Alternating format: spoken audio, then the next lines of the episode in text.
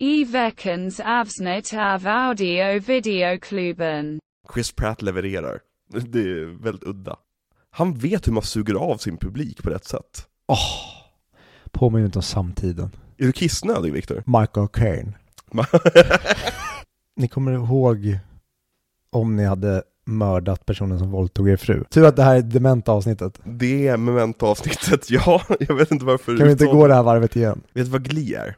Rakt upp i mellangården i det mörkaste hålet i, mitt, i min kropp. Jag vill inte tänka mig på ner och knulla. Vad sa du?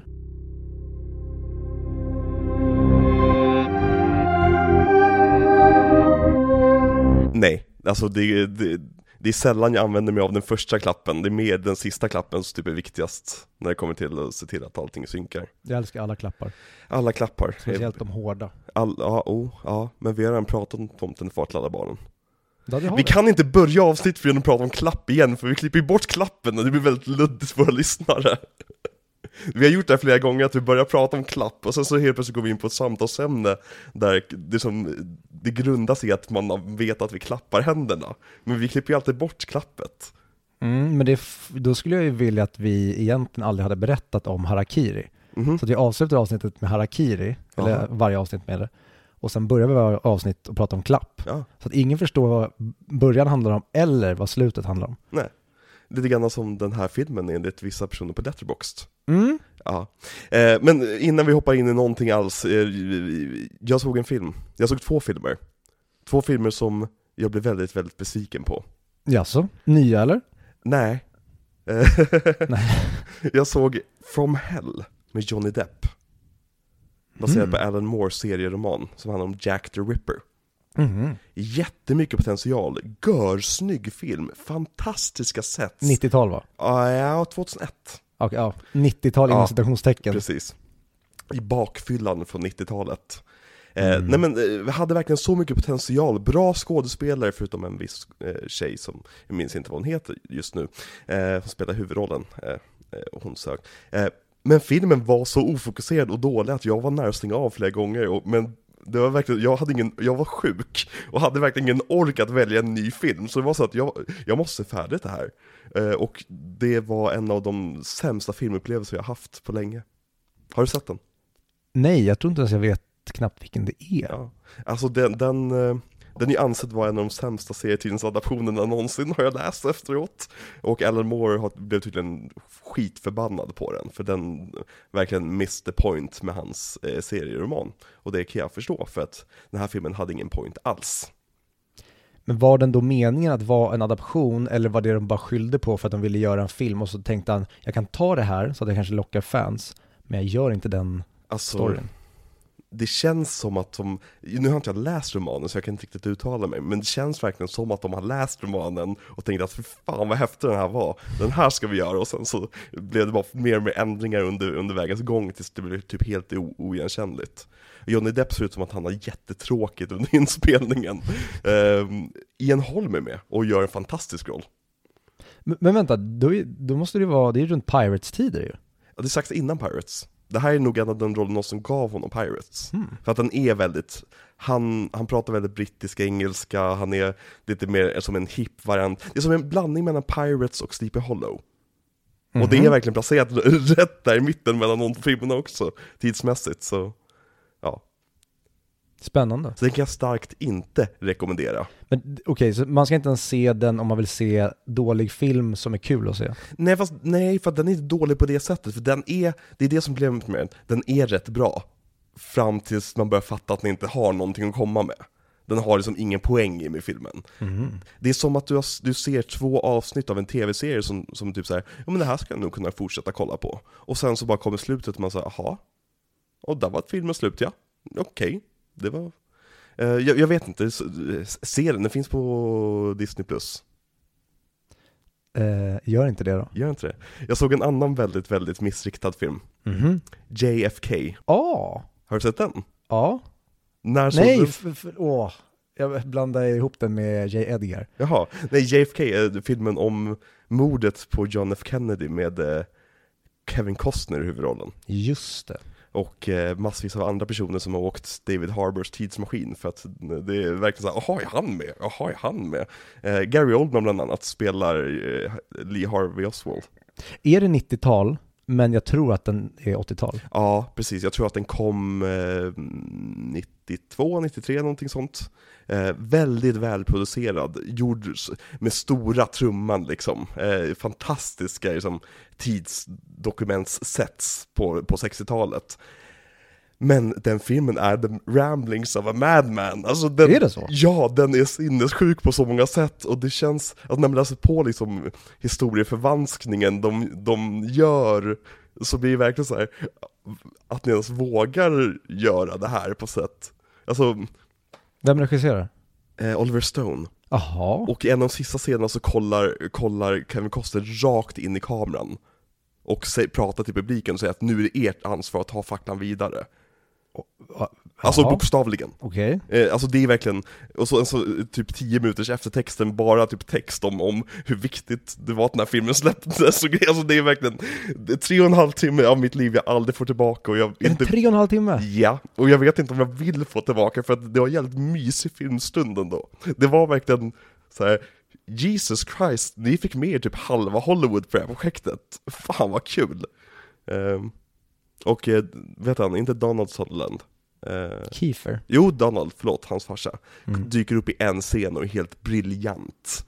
Eh, han är den som kommer och lay it all down, eh, och bara, det, det är en scen som pågår typ 15 minuter där han bara ramlar dialog som låter som att det är en galen uteliggare på gatan som typ har upptäckt några filer på CIA, det är helt otroligt. Eh, så om ni har sett den så kan jag starkt rekommendera att se den och sen typ så ångra att ni har sett den. Låter ju också underbart. Ja. Så det, det var jag sett på sistone. Mm. Har du sett något kul? Har jag sett något kul? Nej. Nej. Nej. Kan, nej, inte sen vi poddade sist, Nej. tror jag. Jag kan dra en titt på min Men letterbox. gör det. Det kan vara något kul. Men däremot så har jag andra grejer som jag vill prata om med dem. Jaha. Jag har en sak jag vill prata om innan vi drar igång veckans avsnitt också. Mm. Jag har en, jag har två slash tre. Ja, jag kör. Mm. Det här blir ett dumpavsnitt också. Där vi får dumpa lite filmtankar. Nej, jag har inte sett en enda film sen jag såg The Wolf of Wall Street, eller Doodlebug min senaste. Mm. Ja. För Following såg jag ju innan. Mm. Eh, Så vad vill du prata med mig om Viktor? jag skulle vilja prata om en sak. Jaha. Har, har Nolan eller personen som designade postern till Tenet stämt Citadel-skaparna än eller? Du, du, du, du, ja, du, du har ju helt rätt. Det är ju exakt samma poster. Jag gaspade när jag satt på bussen och såg den. Citadel. För har vi någon lyssnare ute, ute som har sett Citadel? Skriv gärna För och berätta för det, Det känns inte som en serie som finns på riktigt. det känns som en serie som kom 2007. Ja. Och det är tydligen den dyraste serien någonsin. Mm, och den har väl floppat sönder? Ja, verkligen. Stackars Richard Madden. Jag tycker om honom så mycket, men han väljer fel projekt. Mm. Ja. Nej. Nej. Men det är Russo-bröderna? Ja. Inte Just som regisserar, men som producerar tror jag. Det, det som jag vet att de haft fingrarna i sen de gjorde Marvel, Mm. det har ju varit Blend, utan att jag sett något av det. Men på förhand har det varit så jäkla blekt. Ja. Det, har, finns ingenting i det som lockar mig för fem öre. Ja men det väl, de var väl inblandade i det här 21 Bridges som Chadwick Boseman var med i. Och sen så gjorde de The Grey Man, har för mig. Den har inte du heller sett? va? Nej, varför skulle jag se den för? För att du är ett fan av Russo-bröderna? Alltså, jag är ett fan av Russo-brödernas Marvel-grejer och deras community-grejer, det vill säga typ allting de har gjort. Men det här som de håller på med just nu med slätstrukna actionfilmer med tuffa personer med k-pistar på omslaget, det är verkligen, det är inte my cup of tea. Det har aldrig varit min cup of tea. Nej, men med tanke på att du gillar det de gjort innan, Ja. så känns det...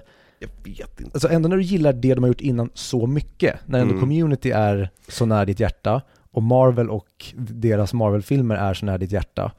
Och sen så, alltså det säger så mycket om hur platt Ja. det de har i alla fall marknadsfört är. Mm. Att Nej, det är bra tack. Ja men det är verkligen, det, det är bra tack, för att det, det, alltså, det är säkert perfekta filmer för att ha på Netflix, där de ligger.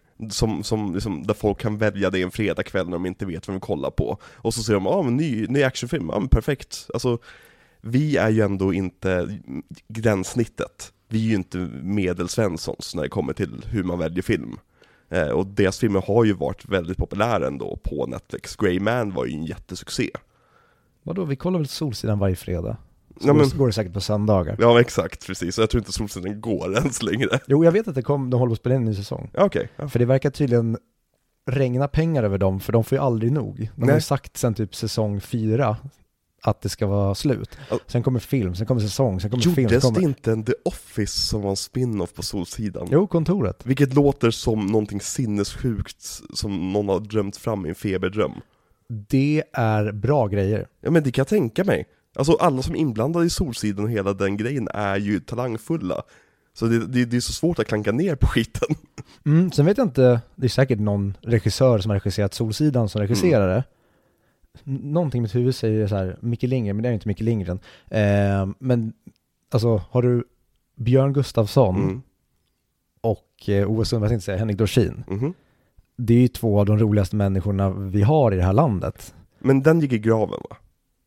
Två säsonger tror jag den fick. Ja, Så den höll ändå, det var inte så att den bara dog direkt. nej. Och jag minns inte hur den höll hela vägen, men det finns några avsnitt som är bland det roligaste jag sett. Alltså riktig Office-nivå, Mhm. där man cringear och garvar av gråt för att de är så retarded och eh, vid den tiden, eller med dagens mått mätt, väldigt icke-PK. Mm. Att de verkligen gör såna här grejer där man fick skämskudde typ redan då. Alltså The Office har ju gjorts över hela världen. Det var ju ett meme på Twitter i typ en vecka, att folk la upp eh, klipp från, jag tror det var turkiska The Office, eller Bunkern hette det då. vad sa du? Bunkern hette det då. Ja. Eller tältet. Nej, men det var verkligen så kul att se, liksom, för det var verkligen The Office. Det var som att någon hade tagit ett The Office-avsnitt och som bara bytt ut alla skådespelare mot araber. Vilket var, det var väldigt roligt att se det som att, jaha, det här, den här Utom humorn, Kelly Kapoor. ja men den här, ja, Fast hon är in det. ja, men den här humorn translatar verkligen. För att i alla delar av världen nu finns det tråkiga jävla offices där folk jobbar. Mm. Eh, Så det är väldigt kul. Men på tal om något som translatar över hela världen just nu, eller över hela Hollywood, det där var en jättedålig övergång. Författarstrejken är igång. Och det verkar ju inte ta slut. Ah, jag, blir, jag blir så ledsen när jag läser, för jag går ju inte in och läser aktivt om det Nej. för jag vill inte veta. Men ändå så når det mig. Mm. Och varje gång jag får en update och det bara man bara läser om en ny serie och en ny serie och en ny serie eller Mm. film som hamnar på paus eller skjuts upp och det... Men det, det, så, det, det som hamnar på paus, det är inte det som gör mig orolig. Det som gör mig orolig är serierna där de går ut och säger att ja men manuset är ju färdigt, så vi, vi, vi kör på produktionen ändå. För att alla vet ju att när man gör serier att manuset är färdigt sekunden du spelar in det. Alltså du har ju re- revisions fram till liksom sista dagen. Och med den här strejken igång får man inte göra några revisions. Alltså ta bara House of the Dragon. Du vet scenen när Viserys går upp mot sin tron och, Mm. och han tappar, tappar sin krona Mm. och eh, Damon plockar upp den. Det var ju någonting som improviserades fram under en repetition och sen skrevs in i manuset samma dag. Och det är ju ett jättebra moment till exempel. Och sådana moments kommer ju vara helt borta. Det kommer vara så sterila serier framöver, de kommande två åren. Det som redan är i produktion. Ja, men också det att saker skjuts upp. Mm. För det innebär att vi kommer bli utan saker som Ja. vi skulle fått tidigare. Så det blir, kommer bli som ett glapp där. Vi, alltså, vi har redan haft dåliga filmår, Ja. eller to, vad säger man? Ehm, glesa filmår, Ja. men väldigt glest med väldigt bra film. Ska vi få det igen nu? Och framförallt när ekonomin är fucked, det är Mm. liksom krig, äh, det, det finns problem Ja, att, det- under varje sten. Kan vi snälla få film, ett, en liten tröstan i det här? Nej, nej, nej. Vi ska sätta det på paus också, era Japp. motherfuckers. Åh, kul. kul. Men vad har du för tankar om, om, om författarstrejken? Vill du att den ska vara över eller Jag- tycker att de har rätt att... Jag vill vakna upp imorgon om de Ja. sa att det var inget. Det, Det var, var- tågstrejken du tänkte på, den har inte börjat än. Nej. Ja, skönt. Och sen så får jag reda på att alla författare är på tåget som skulle Mm. åkt och det blir strejk på tåget så de kommer inte ut. Vänta, så det blir författarstrejk. Ska, de tåg, ska, tåg, ska chaufförerna strejka igen? Mm. Jaha. Okej. Blev det inte löst förra gången? Men vad, Jag vet ärligt vad talat inte. hände? Jag är så glad över att jag jobbar hemifrån. Hashtag metoo. Ja, nej men alltså, vad är, ja, ja. Eh, Men till någonting annat då, som jag också ville prata Ja, om. vad vill Del, prata om? eh, del 2 slash 2 plus 3. Ja. Vi har fått en poster och en ny trailer till Oppenheimer. Oppenheimer. Och jag vill veta, vad, vad tycker du om Oppenheimer-postern till att börja med? Eh, det kan vara en av de sämsta postersen jag sett för en stor film. Jag tycker, alltså den när han står framför bomben. Jag tyckte att den var bedrövlig. Eh, trailern såg fet ut, men det är någonting med, med marknadsföringen för den här filmen som får mig att, det är inte marknadsföringen som får mig att bli pepp på filmen. Utan det är filmen i sig som gör mig att jag blir pepp på filmen. För att om jag bara skulle gå på trailers och posters, då skulle jag säga, ja men det här ser väl kul ut. Kommer nog inte se den på premiärdagen. Men nu vet jag att det är Nolan och jag vet ju att han har den här enorma jävla castlisten och det här är så stora perspektivet på saker och ting. Att jag är ju ändå super duper mega taggad liksom. Tänk om vi typ skulle prata igenom hans filmografi inför Oppenheimer. Ja men precis, exakt. Så att vi inte gör det. Ja, eh, det skulle vara väldigt, väldigt eh, bra eh, planerat av, av oss. Det vi Så- gör istället, det är att vi pratar om Wally Fisters film, filmografi om och om och det blir ett, Avsnitt vad fan heter den, Transcendence? Ett avsnitt Transcendence varje vecka fram till Och, och Oppenheimer. några avsnitt i Tick. Jaha, Mm. Som för övrigt är en rätt genuint bra tv-serie. är det efter Transcendence? Ja, det var det, det enda han har gjort sen Transcendence. Han skulle ju bli regissör när man... Eh, Va, vi, så här, va, varför då? vi kommer till det. Vi kommer till det om några veckor. Men eh, trailern och posten till Oppenheimer, ja. Det var vad jag tyckte. Vad tycker du? Jag copy-pastade det du sa. Ja. Alltså, jag undrade om någon... Jag, jag kollade extra, men sen såg jag att, nej men vänta, det är ju, det är ju Warner Bros officiella konto som lägger upp den här. Ja. Det är inte fanmade, och i en tid av AI-genererade Mhm. gorgeous bilder och adaptioner och fanas moster, så får vi den här posten. Då, då, Ja, får man nästa, nu vet jag att det inte är så, för att då hade de inte gjort den så här, då hade de ju kanske dragit upp ännu mer. Men det får mig nästan att tänka att de har gjort den ful med flit. För den är, så, den, ser, den är dåligt gjord. Jag tror att det här är en film som är jättesvår för Warner Brothers att marknadsföra. För att det de marknadsför på, det är, ni vet väl att Nolan gör bra filmer va? Eh, Eh, för att det är ju, det kommer ju vara en rätt torr film om gubbar som är i rum och pratar om vikten av det de kommer göra. Men det är ju Nolan som gör gubbar i ett rum Jo jag vet, men det går inte vikten. att marknadsföra på det sättet. Det går liksom, det är, det är därför de klämde in äh, antagligen Albert Einstein-grejen i, i trailern. Jag, här, Kenny, jag fick också samma reaktion, men sen så kände jag så här, om det här bara är en del av filmen, att, bara för antagligen så pratade ju Oppenheimer med Einstein, det är bara naturligt liksom. Och så här, ja men det här funkar säkert jättebra i filmen, men i trailern är det typ som att det är att kolla vem som joinar teamet. Vet du vem som borde spelat uh, Oppenheimer, jag tänkte säga, Eh, Einstein? Nej men då. Michael Caine. och så står han och skriker Rage, Vadå? Rage. Han och Nolan har ju aldrig jobbat tillsammans. Nej. Så det skulle vara en första. Han skulle egentligen spelat, eh, vad hette han? John Nolan? Eh, farbrorn som Mm. var med i Following. Ah, okej. Michael Caine skulle egentligen spelat den rollen, men han blev sjuk. Ja, han skulle egentligen spelat rollen som farbrorn som spelade rollen i filmen. Mm. Ja, exakt. Ja. Men han blev sjuk, Jättebra. tyvärr. Ja. Mm. Nej men eh, tråkigt Mm. att det ska vara så, för jag undrar, kan inte bara, gör det enkelt. Gör en, en svart poster och så sätter ni en, en fucking bomb eller någonting bara längst fram. Gör, gör, få oss undra, vad är det där? Mm.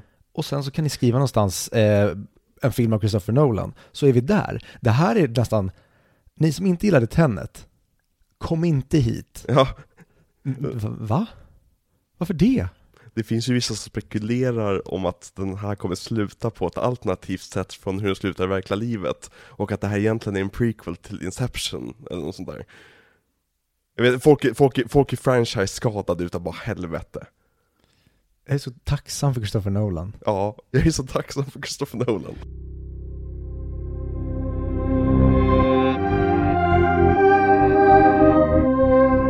Exakt! För nästa vecka ska vi ju då prata om Insomnia med eh, Al Pacino i huvudrollen och Robin Williams. Robin Williams har vi ju pratat om rätt nyligen, men Al Pacino, väldigt kul att prata med, om en Al Pacino-film. Undrar om vi kommer få skrik Pacino? Skrik person. Jag vet inte. Det här, alltså de- den det var så länge sedan jag såg Insomnia, att jag, jag vet inte vilken del av hans karriär han är i där. Eh, det kan mycket väl vara så att vi får början på Squeak Pacino. Tänk om det var Nolan som fick honom att börja skrika. Mm. Oj. kan, mycket man kan det. Men tack så jättemycket till våra underbara patrons. Ni är eh, snygga och ni är sexiga och ni är underbara och ni kommer ihåg saker. Ni kommer ihåg om ni hade mördat personen som våldtog er fru. Exakt, det, det kommer ni komma ihåg när det väl händer. Men, men vad är, det var ju våra pattar, men vad är Ja, våra precis. klubbare? Och så vill jag tacka våra vanliga lyssnare, våra, som du kallar dem för, klubbare. Jag är på alldeles för gott humör för att ens ta illa upp av den titeln. Eh, ni är snygga och ni är sexiga, men ni har vissa minnesproblem när det kommer till, till eh, hur, hur ni hanterar er frus, eller mans, mördare. Nej, fru. Mm. Alla som lyssnar på den här podden är straight eller gay. Okej, det finns inga bisexuella. Bisexuella är en myt. Ja, Okej, k- kanske dags att vi rundar av sig. Ambivalens brukar jag kalla det. Hur, hur, hur, avslutar, avslutar vi avsnittet? Eller du, vart finns Insomnia att kolla på? Eh, typ ingenstans. Nej, visst gör den inte? Nej, Det, och det är inte bara någonting jag drar ur röven, utan det är verkligen så här. eh, det var någonting att jag drog i röven, jag har inte kollat det. Eh, men jag har för mig att jag kollade upp när jag försökte hitta filmen. Om ni vill se Insomnia, Ja, då får ni åka till en videobutik eller gå in på vårt speciella HBO-konto, för den Ja. finns inte att se någonstans. nej, det är verkligen, det är, de här tidiga Nolan-filmerna är smått otillgängliga, och sen så blir allting supertillgängligt helt plötsligt. Mm. Eh, så det är, ja, men Insomnia, det är en film värd att se, vill jag minnas. Eh, det, det kommer vi gå in på nästa vecka, men eh, det är väldigt länge sedan jag såg den. Jag kan ärligt inte säga att jag kan hålla med dig där. För jag Nej. minns den för dåligt, Ja. och jag minns att jag inte tyckte om den så mycket. Ja. Men det kanske vi pratar om nästa vecka. ja. Hur avslutar vi avsnittet då? Har du glömt mig? Okej, ja, fine, fine, cheesy enough. Vi kör på den. Har du glömt mig?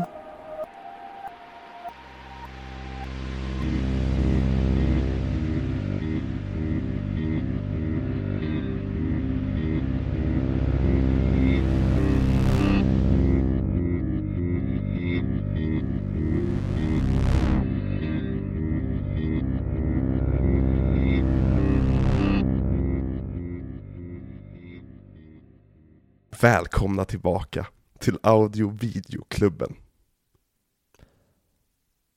Audio, video, podd. Vi kan lyssna hela dagen. Audio, videoklubben är bra. Hej! Och sen kommer vi till Remember, remember, remember. Okej, okej, åh. Jag vet inte, gud jag blir typ lite smickrad av att du försöker hitta någonting som har med minnen att göra och du går till fame. Jag försökte komma på någonting där någon sjöng om att de hade glömt någonting. Men det enda som dök upp i mitt huvud var bara Remember, remember. Och då tänkte jag, då får det bli det. Don't you forget about pod. Ja, den dök ju inte upp. Men Nej. den måste vi spara tills när vi pratar om Breakfast Club. Åh, Breakfast Club är så bra. Mm. Och samtidigt är det en film som när jag tänker på den så tänker jag att men den var ju inte så bra. Och sen ser man om den. Ja, och så var den så bra. Ja, men vi ska ju prata denna vecka om Memento. Christopher Nolans andra film. Jag drar ner mina byxor direkt och börjar kissa på bordet. Jag kommer inte hymla med att jag är kissnödig. Är du kissnödig Viktor? Nej, men så bra är den här filmen. Ja, men alltså det här, det här är en sån här film som, det är nästan lite, lite, lite taskigt mot sig själv att säga att man älskar filmen, för man placerar sig själv i ett fack med tiotusentals andra filmnördar som hittade den här lite smått undan skuffade filmen någonstans i mitten på 2000-talet. Och sen har det bara blivit en super, som alla vet ju vilken Memento är liksom.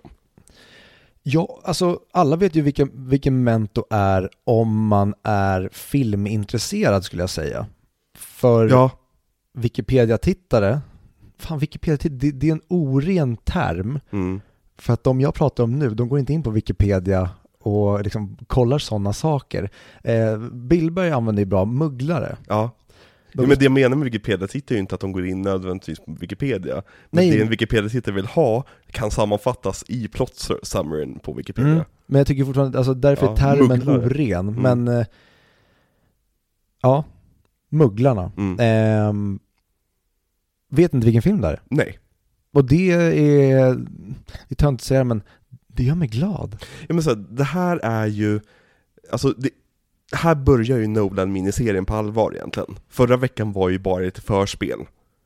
Mm. Och sen så bara stoppade de in den. Ja men och sen bara var man där, man vet inte riktigt, är det en våldtäkt som försiggår, försiggår på min hjärna just nu, eller tycker jag om det? Eh, det, det gick så snabbt liksom. Mm. Eh, för att jag, jag vill ju skriva under på en gång med det, att det här är ju en av mina favoritfilmer, och det är en film jag har sett fram emot att prata om så jävla mycket.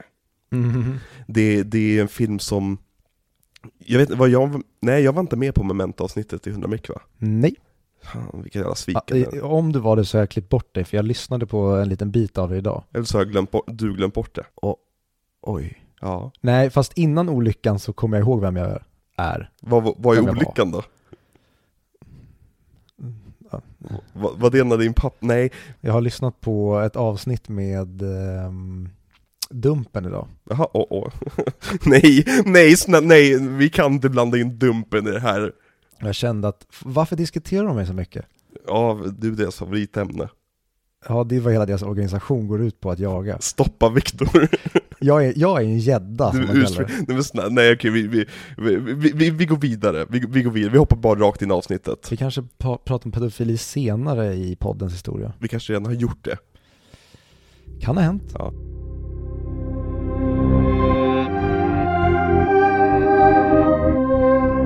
Okej, vad sätter du för betyg på den här?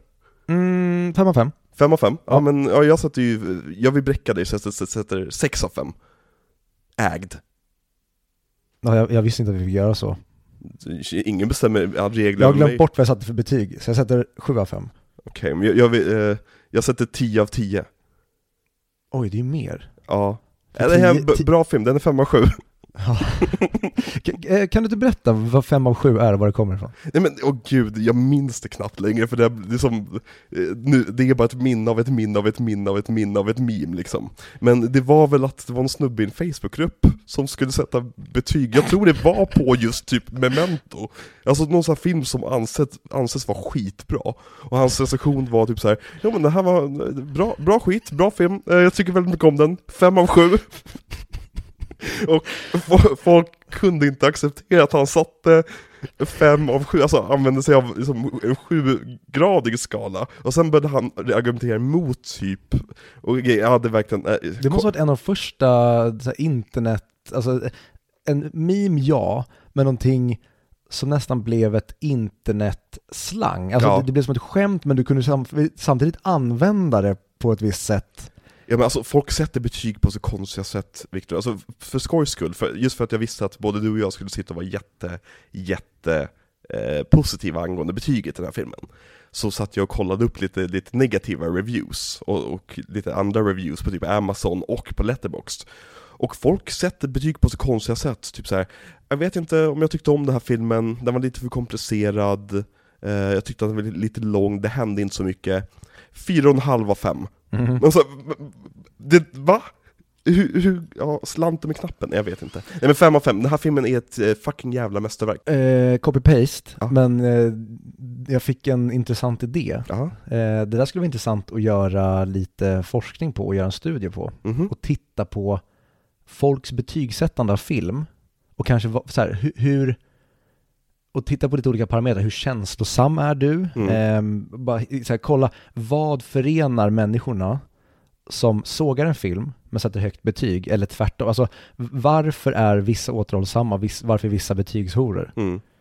Men eh, skäl inte det nu för det ska jag göra när jag eh, pluggar sen har jag Ja, bestämt. det blir din nästa podcast. Mm. Betygspodden. Där de Ja, sätter betyg på betyg. Efter en sjugradig skala. jag gillar meta. Ja, Men kanske inte så mycket nej.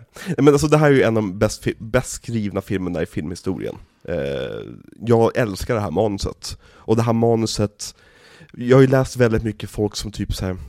Ah, om den här filmen hade varit i rätt ordning hade det inte varit något speciellt. Och så här, tack för att ni fattar poängen. Det är det som är hela poängen egentligen. Alltså, grejen är, hur fan får jag ihop en film där vi vet slutet i början av filmen, och det enda vi ska göra är att försöka jobba oss till någon slags mitten av filmen, där vi får veta varför det vi såg hände. Och det är ett sånt jävla svårt arbete att göra. Ja men, och det är ju ett, vad säger man, det, det är ett narrat, narrativgrepp, Mm. men det är inte bara därför att vi vill göra på det här sättet för det är coolt, utan Nej. hur hamnar vi i Lennarts huvud? Exakt. Och det blir, det blir som en inception i, alltså i det hela, att vi vill hamna i, i karaktärens subjektiva liksom medvetande. Mm. Och hur gör vi det så att publiken är i hans upplevelse? Och, och då, Exakt. då blir liksom ett plus ett blir 12. Mm. Ja, men och också att göra det på ett sätt där vi inte bara helt och hållet tappar greppet om saker och ting. För att man skulle kunna göra den här filmen mycket mer disjointed om man verkligen vill få folk att inte eh, hänga med. Ja, och, och man dyker upp på slutet och då fattar man. Ja men exakt, men här är det verkligen så att du får de här små, små belöningarna hela tiden i och med att varje scen går in i den scenen du såg för 10 minuter sedan. Men du, du kopplar det inte förrän du är färdig med scenen och Teddy kommer in och säger Lenny! Och så bara, just det, det var så den förra började ja. Och ja, och som hela tiden får, får lägga det här egna pusslet. Och det finns också en klyscha om den här filmen och den här filmens fans om att det här är en film som får idioter att känna sig smart, smarta. Och det finns ju mycket sanning i det, att det här är en film som får folk att känna sig smarta. Men det är ju hela Nolans grej att han, han vet hur man suger av sin publik på rätt sätt. Mm. Jag, jag tror att jag... Han är så jävla, han är svår inom citationstecken, Mm. men lättast för att han, han får en person att känna sig smart, eh, men samtidigt en person som ser bortom det, alltså funkar det på också. Ja men han- filmskapandet är på sån hög nivå hela tiden. Mm, och han hela tiden gör filmen med tanken att jag måste sätta min publik i det här tillståndet. Mm. Hur gör jag det? Alltså lite som när vi kommer att prata om The Prestige sen, att Mm. liksom, någon, någonting, ja, filmen är ett magitrick för den som tittar på de som utför magitricken också. Ja. Det, det blir ett lager på ett lager. Ja du, jag har saker att säga om Prestige när vi väl kommer till den filmen. Inte jag, jag vill hellre prata om någon annan typ, Now You See Me, där det också handlar om trollkarlar. Eller Illusionisten. Skulle inte det vara väldigt kul om vi eh, ser, ser, ser fel film och råkar se Illusionisten istället? Mm. Med Edward Norton i ehm, huvudrollen. Vad sa du? Med Edward Norton i huvudrollen. Mhm. Jessica Biel va? Det kan det säkert vara. Och eh, Paul Giamatti. Det är det. Paul? Ja, Paul. Det lät konstigt. Vad annars kan han heta? Mike? Eller George? Ja. Jag, jag, vi bestämmer att han heter Paul.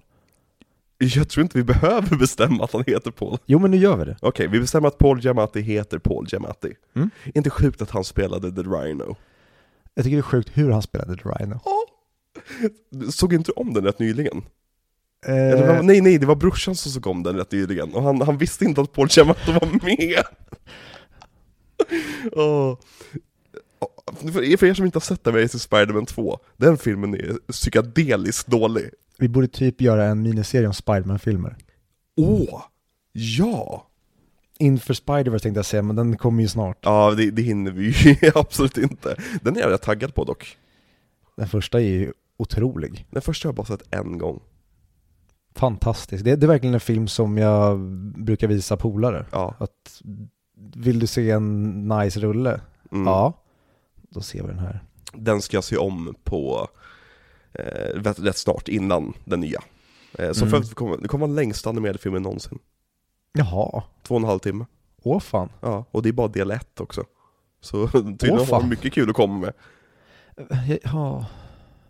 Va- Varför måste ni göra en del 1 och en 2? Om... Alltså, jag, här, jag tror inte att den är inte benämnd som en del ett, men däremot så var det så att de hade en, en idé först. Och sen så har de kommit ut och sagt att nej, vi gör två filmer istället. Ja men Ja men jag hoppas att de ehm, får separata titlar så det inte blir part 1 Ja, nej det, det kommer det inte vara. Ja tack. Mm. Det, Det, det tror jag inte. det Eh, estetiskt stör mig som fan. Ja. Across the Spider-Verse också. Väldigt kul att de har en Beatles-referens i en Spider-Man-film. Berätta. Across the Universe, en av Beatles kändaste låtar. Mhm. Väldigt, väldigt. Det skulle jag inte hå- hålla med om som, eh, Alltså- Beatles-pöbel. Det eh, finns väl typ så 15 låtar som är typ Beatles kändaste låtar egentligen, men eh, nej, Across the Universe, den är, det, det är riktigt bra skit. Det finns en musikal upp, uppnämnd efter den också, med Mhm. Beatles-musik. Spider-Man across the universe. Exakt, precis. Mm, the musical. Eh, nej, vem fan spelar huvudrollen där? Det är han dåliga, vad heter han? Han från 21. Från 20... eh, Ja, inte Justin Chatwin, men Åh, budget Justin Chatwin. åh, vad heter han? Typ, inte James. Ja, Sturgis, Jim Sturgis. Ja just det, Jim Sturgis. Mm. Eller fast dålig, han, han kan vara bra ibland också. Han har bara ett punchable face, det Ja. är hans problem. Att jag vill inte, jag gillar inte honom, jag gillar honom i 21. Ja. Men... Men eh, där ska han vara lite punchable. Ja, Och där är också han från Eurotrip med, han kompisen som man älskar i Eurotrip, och spelar världens douchebag. Jag såg om den nyligen igen. Ja, och den, den värde sig om hur många gånger Be- som helst. Becka tyckte, hon eh, såg inte riktigt eh, charmen med den. Skilsmässa. Ursäkta? Skilsmässa. Vi är inte gifta än. Okej, annullering då. Klippa av fingret bara. Klippa av fingret. Kasta från balkongen, jag hörde att det är en trend. kasta på ens dörr. Fast det är ju din egen dörr så det hade varit lite... Nej, hon hade eget rum här. Hon har ett eget rum. Ja, när vi har skilt oss så kommer hon få bo kvar hemma, hon kommer få hyra ett rum. Ja okej, där hon och Kenneth kan få bo. Ja. Ja, Becka kunde väl inte vara med idag då. Nej, det var länge sedan. Ja. Men eh, okej, men eh, bety angående betyget på eh, Memento. Är det här ett perfekt manus? Ja. Ja men visst, visst, visst är det? Ja, ja, ja, ja. Eller, det kan vara så att det inte är ett perfekt manus, Nej. men slutprodukten som man har klippt ihop Ja. eh, vittnar om ett perfekt manus. Alltså Mm. det kan vara så att det finns delar i det här manuset som är imperfect, Mm. men då är inte de med i slutfilmen. Nej men exakt, det är, det är någonting med den här filmen som, det blir så, det blir en väldigt, väldigt rolig film. När den är gjord på det sättet som det är. Som Mm. till exempel sättet, när, när vi börjar se med att han sitter, och man tror att han är full och sitter i ett badrum, och man tänker ja men det, han hoppar in i duschen och grejer, och sen i scenen innan får vi reda på att han är där för att liksom vänta på någon och överfalla dem och grejer. Ja, Alltså den är, den är skitrolig den här Ja. filmen. Den är Och- inte så humor, alltså folk kan ju tänka att den här är rätt humor, humorlös och rätt steril och kall. Men jag tycker den är både empatisk och väldigt, väldigt rolig. Mm. Och, och humorn, alltså, nej man skulle aldrig kunna claima att det här är en komedi, men varje scen egentligen är ju pretty much en komedi när vi får se vad som har hänt innan för att det blir ett Ja, nu tänker jag på förra scenen och Mm. så skrattar man till. Exakt. Ja, vad kul eller fyndigt. Och sen finns det vissa scener där man känner Åh fuck, det var det som hände i nästa scen. Ja, just det. Men vissa scener är verkligen rakt upp, bara en punch in the laugh gut. Ja, men bara som faktumet att han har åkt runt hela filmen med 200 000 dollar i bagageutrymmet och han vet inte om det för han har glömt att någon berättade för honom. Ja, det, det är så mycket sånt där och jag, jag känner så jävla mycket för Teddy eller Ja, John, ja, John. Gamble. Så jävla frustrerande att vara runt den här mannen konstant som bara... Sån jävla asshole. Ja men och det här med att, vi återkommer ju till det i filmen hela tiden, det här med att, men fan har du inte lämnat stan än?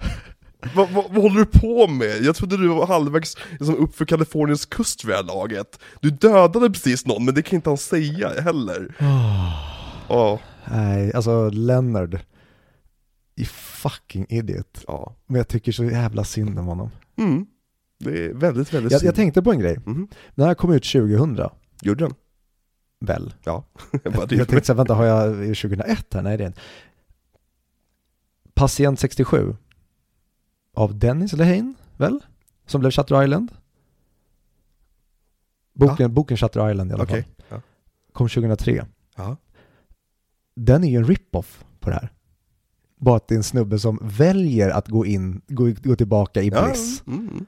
Och hela tiden bara ska gå igenom det här stålbadet, alltså gång efter gång Mm. efter gång i hopp om att kanske en dag slippa det här. Men när det, han väl kommer dit så kan han inte slippa, han, går till, han regresserar tillbaka i sitt gamla tillstånd varje gång. Men Viktor, jag vägrar att prata om Leonardo DiCaprio i den här podden. Vi har inte gjort det och vi kommer aldrig göra det. Nej.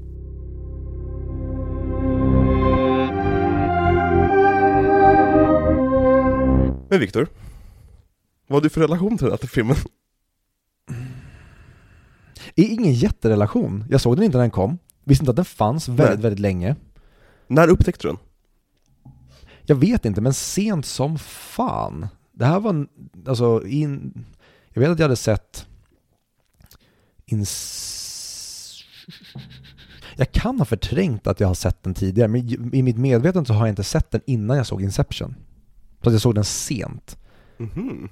Ehm, nej, det kan fan ha varit vid Dark Knight. Mm. Troligare. Skitsamma. Mm. Eh, eftersom jag har, jag har inget korttidsminne och inget långtidsminne Nej. så såg jag den här efter jag såg Dunkirk. Okej, efter du såg Första. Tenet? Ja, efter Oppenheimer. Efter du såg trailern till Oppenheimer? Mm. Vem är den här snubben? Jag skulle vilja se vad mer han har gjort. Och så kollade jag på Fatta Doodlebug. vad de som upptäcker Nolan med Oppenheimer.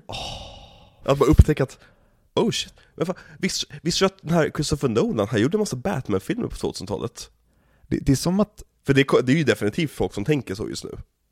ja, Alltså du kan ju tänka att de som är typ 18 nu, de är födda när Dark Knight kommer.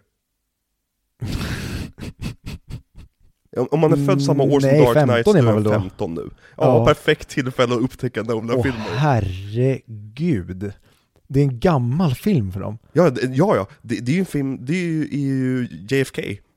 Holy shit. Ja, Helt. mind blown. Det Ja. kommer vara många mind-blowing drops här i den här miniserien när Nolan, det kommer vara twistar och jag vet inte. Fick vi allt vi ville ha sagt om, Relationen till filmen. nej tittarna, vi var ju där förut och sen hamnade vi på fem av sju och sen spann vi ut i eh, ett svart hål. Nej det är inte det här avsnittet. Vad sa du? Va? Va? Jag kommer inte alls ihåg vad vi har pratat om.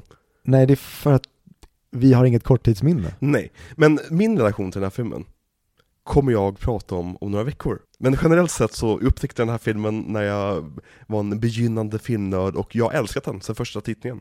Eh, det här är en film som, jag är typ nervös att se om den varje gång jag ska se om den. För att det är så här, den, den kommer att åldras lite grann nu. Den, den kommer, jag är inte lika ung och liksom spänstig i sinnet, jag kommer börja irritera mig på saker och ting. Och sen bara sätter jag mig varje gång och bara, nej, det här är som första gången jag ser den. Nej, vet du vad det är? Nej, vad är det? Det är vin. Det åldras, alltså Ja. den här skiten blir bättre för varje, alltså för all skit som görs idag, Mm.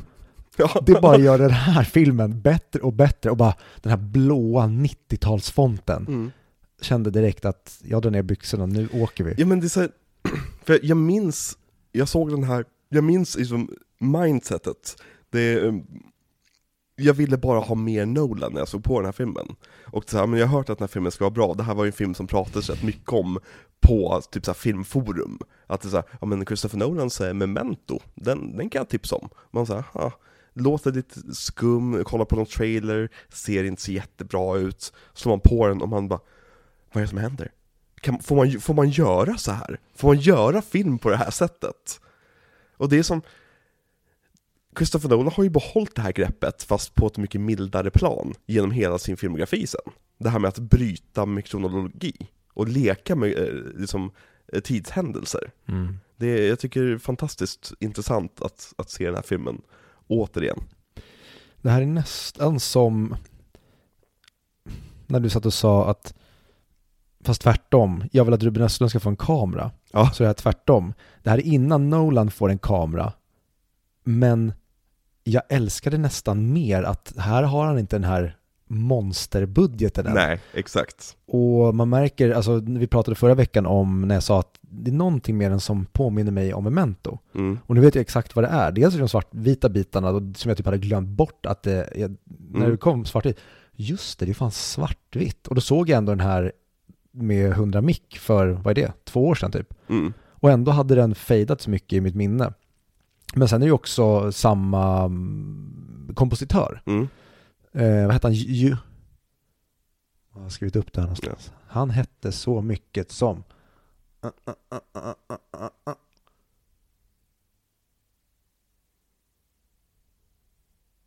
David Julian Mm. heter han. Och eh, det hade jag ingen aning om, för jag trodde att det var någon random för following. Mm. Eh, och sen använde han, för i mitt huvud, då kommer Hans Zimmer in i Batman Begins, Mm. fast han inte är med i Batman Begins. Och det vet jag ehm, sen tidigare och så även eh, Prestige. Jag vet så, men det är inte no eller, eh, Simmer menar jag. Sa jag Nolan hela tiden? Nej, du sa Simmer. Ja, bra. Jag blandar upp ord här, tänkte säga. Du glömmer bort ord. Jag glömmer bort allt. Det här är det dementa avsnittet. Nej, det är memento-avsnittet. Jag sa att jag hade blivit mement. Oh. Dement. Moment. Dementor. Oh. Jag har ont i tummen! Va? Fortsätt. Hans Zimmer. Hans Zimmer. Jag trodde att Hans Zimmer, i mitt huvud så kom Hans Zimmer in tidigt i Nolans filmografi. Okej. Och sen Men tittade det är jag väl igenom. med Dark Knight va? Det är med Dark Knight. Ja. Det är länge. Ja.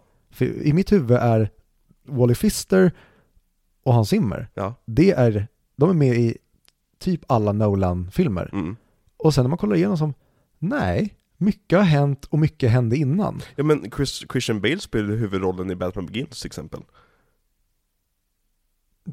Det lät, det lät du menar att, att Wally Pfister och Hans Zimmer är med och, och skådespelare i varje... Ja, skitsamma. Det var jag tyckte var rolig. Men du menar inte att säga att Wally Pfister spelade huvudrollen i... Jo, Wally Pfister Ja, spelade du sa huvudrollen. Christian Bale. Jo men, nej men jag sa, okej, jag orkar inte. Ja, ja, ja. Tur att det här är dementa avsnittet. det är memento-avsnittet, ja, jag vet inte varför Kan vi inte gå det här varvet igen? Tur att det här är dementa avsnittet. Det är memento-avsnittet, ja, jag vet inte varför Kan vi inte gå det här varvet igen? Nej, det var här styr nu. Oj, det mig, du är dement Viktor. vad sa du?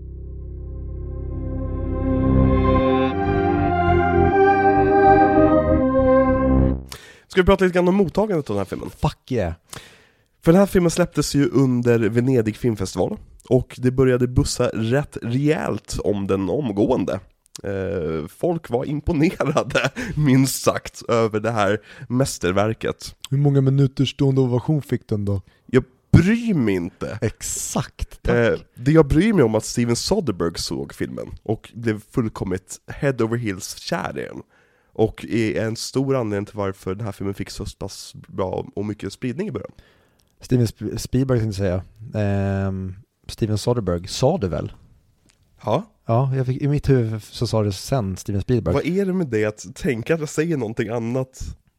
Jag har problem idag med att lyssna på det du säger och samtidigt ska jag tänka någonting och svara. Okej, Idag så lämnar jag dig och bara i min egen värld. ja kör. Det jobbiga är att du och lyssnarna inte är med där, så att ni vet inte riktigt vad det är som pågår. Nej precis, jag vet inte. Och sen när jag ska försöka förmedla det, då sker det en krock. Steven Soderbergh. Steven Soderbergh, han gjorde ju en mycket bättre film som kom samma år. Som han vann en Oscar för. Vilken är det? Trafik. Jag har fortfarande inte sett Traffic. Jag såg den en gång. Men det är väl ett sånt ökänt Oscars, ökänd Oscarsvinst va? Ja, som alltså alla, tror jag, alltså men ja, all, alla tycker att det är en väldigt konstig vinst. Eh, för det kom typ en film det året som hette eh, Gladiator. Ja just det, just det. Och det kom en film som heter Memento också, Ja, med många andra. men det är många filmer som vinner bästa film Oscar som i efterhand mm, så sitter man bara, okej, Coda, What the actual fuck? Eh, The Artist. Everything Everywhere All At Once. Men den vann ju inte bästa film Oscar. Gjorde den inte? Nej. Jo, Det gjorde den ju. det gjorde den ju! Oh my god. Ja. Gjorde den det? Jag minns inte. Alltså- På riktigt nu, det är ingen bit. Det var ju någon, jag minns, någon eh, sur gammal gubbe som var arg på att eh, Oscar ska bli ännu mer inkluderande. Jaha. Eh, jag håller ju med honom i sak, men eh, det är bara, Jag tycker bara det är kul att en sån film vinner oss. Alltså, det är det är ett roligt val i alla fall, det är inget, det är inget, ingen green book. vad i helvete? Den vann också va? Ja, Moonlight också, Vad i helvete? mot La La Land som typ ett mästerverk. Eh, nej men eh, bästa filmvinsten är väldigt, väldigt, alltså, Du, du vill ju inte vinna den. nej men typ inte, du glöms bort om du vinner. Du vill vara den som folk tycker borde vunnit istället. Vilken är mest förtjänta bästa Oscar, bästa filmvinsten? Som du kan komma på bara. Du... Konungens återkomst.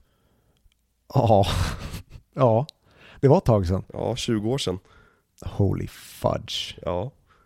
Eh, I mitt huvud, då har inte 20 år, eller du och jag är yngre än 20 år sedan Konungens återkomst kom. mhm. Alltså att du och jag kan aldrig bli äldre än om det var 20 år sedan Konungens återkomst kom. Jag fattar inte alls vad du menar just nu, men det är säkert jättebra. Okej, jag är väldigt otydlig. Du och jag Ja, kommer alltid vara yngre i ålderstal ja, än 20. För att, det kan aldrig vara, att vi kan aldrig vara äldre ja okej. Än, för, för mig känns det som att Konungens återkomst kom innan jag föddes. Okej. Det känns som en film som jag, den fanns när jag kom. Du var 11 när den kom. Jag vet, och det är så märkligt. Ja. För det känns som en film som alltid har funnits med mig. Och de här 11 åren innan har inte existerat, för den Visst- filmen visst fanns ju är inte. ibland så när man tänker på typ, ja men så här, ja men Harry Potter, det var det jag eh, kollade på när jag eh, var barn. Nej. Första Harry Potter-filmen kom när jag var 10. Mm. Det, det är så, inte i min headcanon. Nej.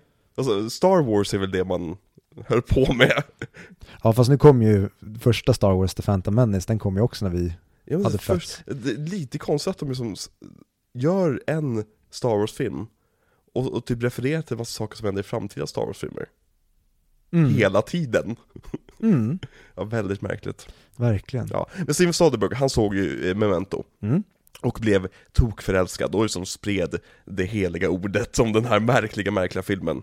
Men trots det varma mottagandet så hade filmen väldigt svårt att säkra distribution. För att ingen studio eller distributör riktigt trodde på den här filmen. De tyckte att den var ett mästerverk, men att den är alldeles för komplicerad för en vanlig publik. Eh, bland annat Harvey Weinstein tackade nej, och han tackade ja till det mesta. Eh, så Newmarket, alltså produktionsbolaget som vi pratade om tidigare i avsnittet, eh, de bestämde sig för det otroligt riskfyllda i att distribu- distri- distribuera filmer själv. Och det visade sig vara ett eh, mästerdrag, för de drog in 40 miljoner på en budget på 9. Pang bom. Ja, bara pengar rakt ner i fickan också eftersom det är deras egna distributionsbolag som distribuerar det. Och det, den här hade väldigt innovativa marknadsföringskampanjer och en av de tidigaste typ internetkampanjerna. Mhm. De hade en, en mystisk hemsida och de skickade ut den här polar, polaroiden på, eh, på Lenny eh, när han ser så glad ut. Bara randomly, bara den polaroiden till filmkritiker. Så folk skulle undra vad är det här för något? Så de hade en jättebra och liksom stark marknadsföringskampanj.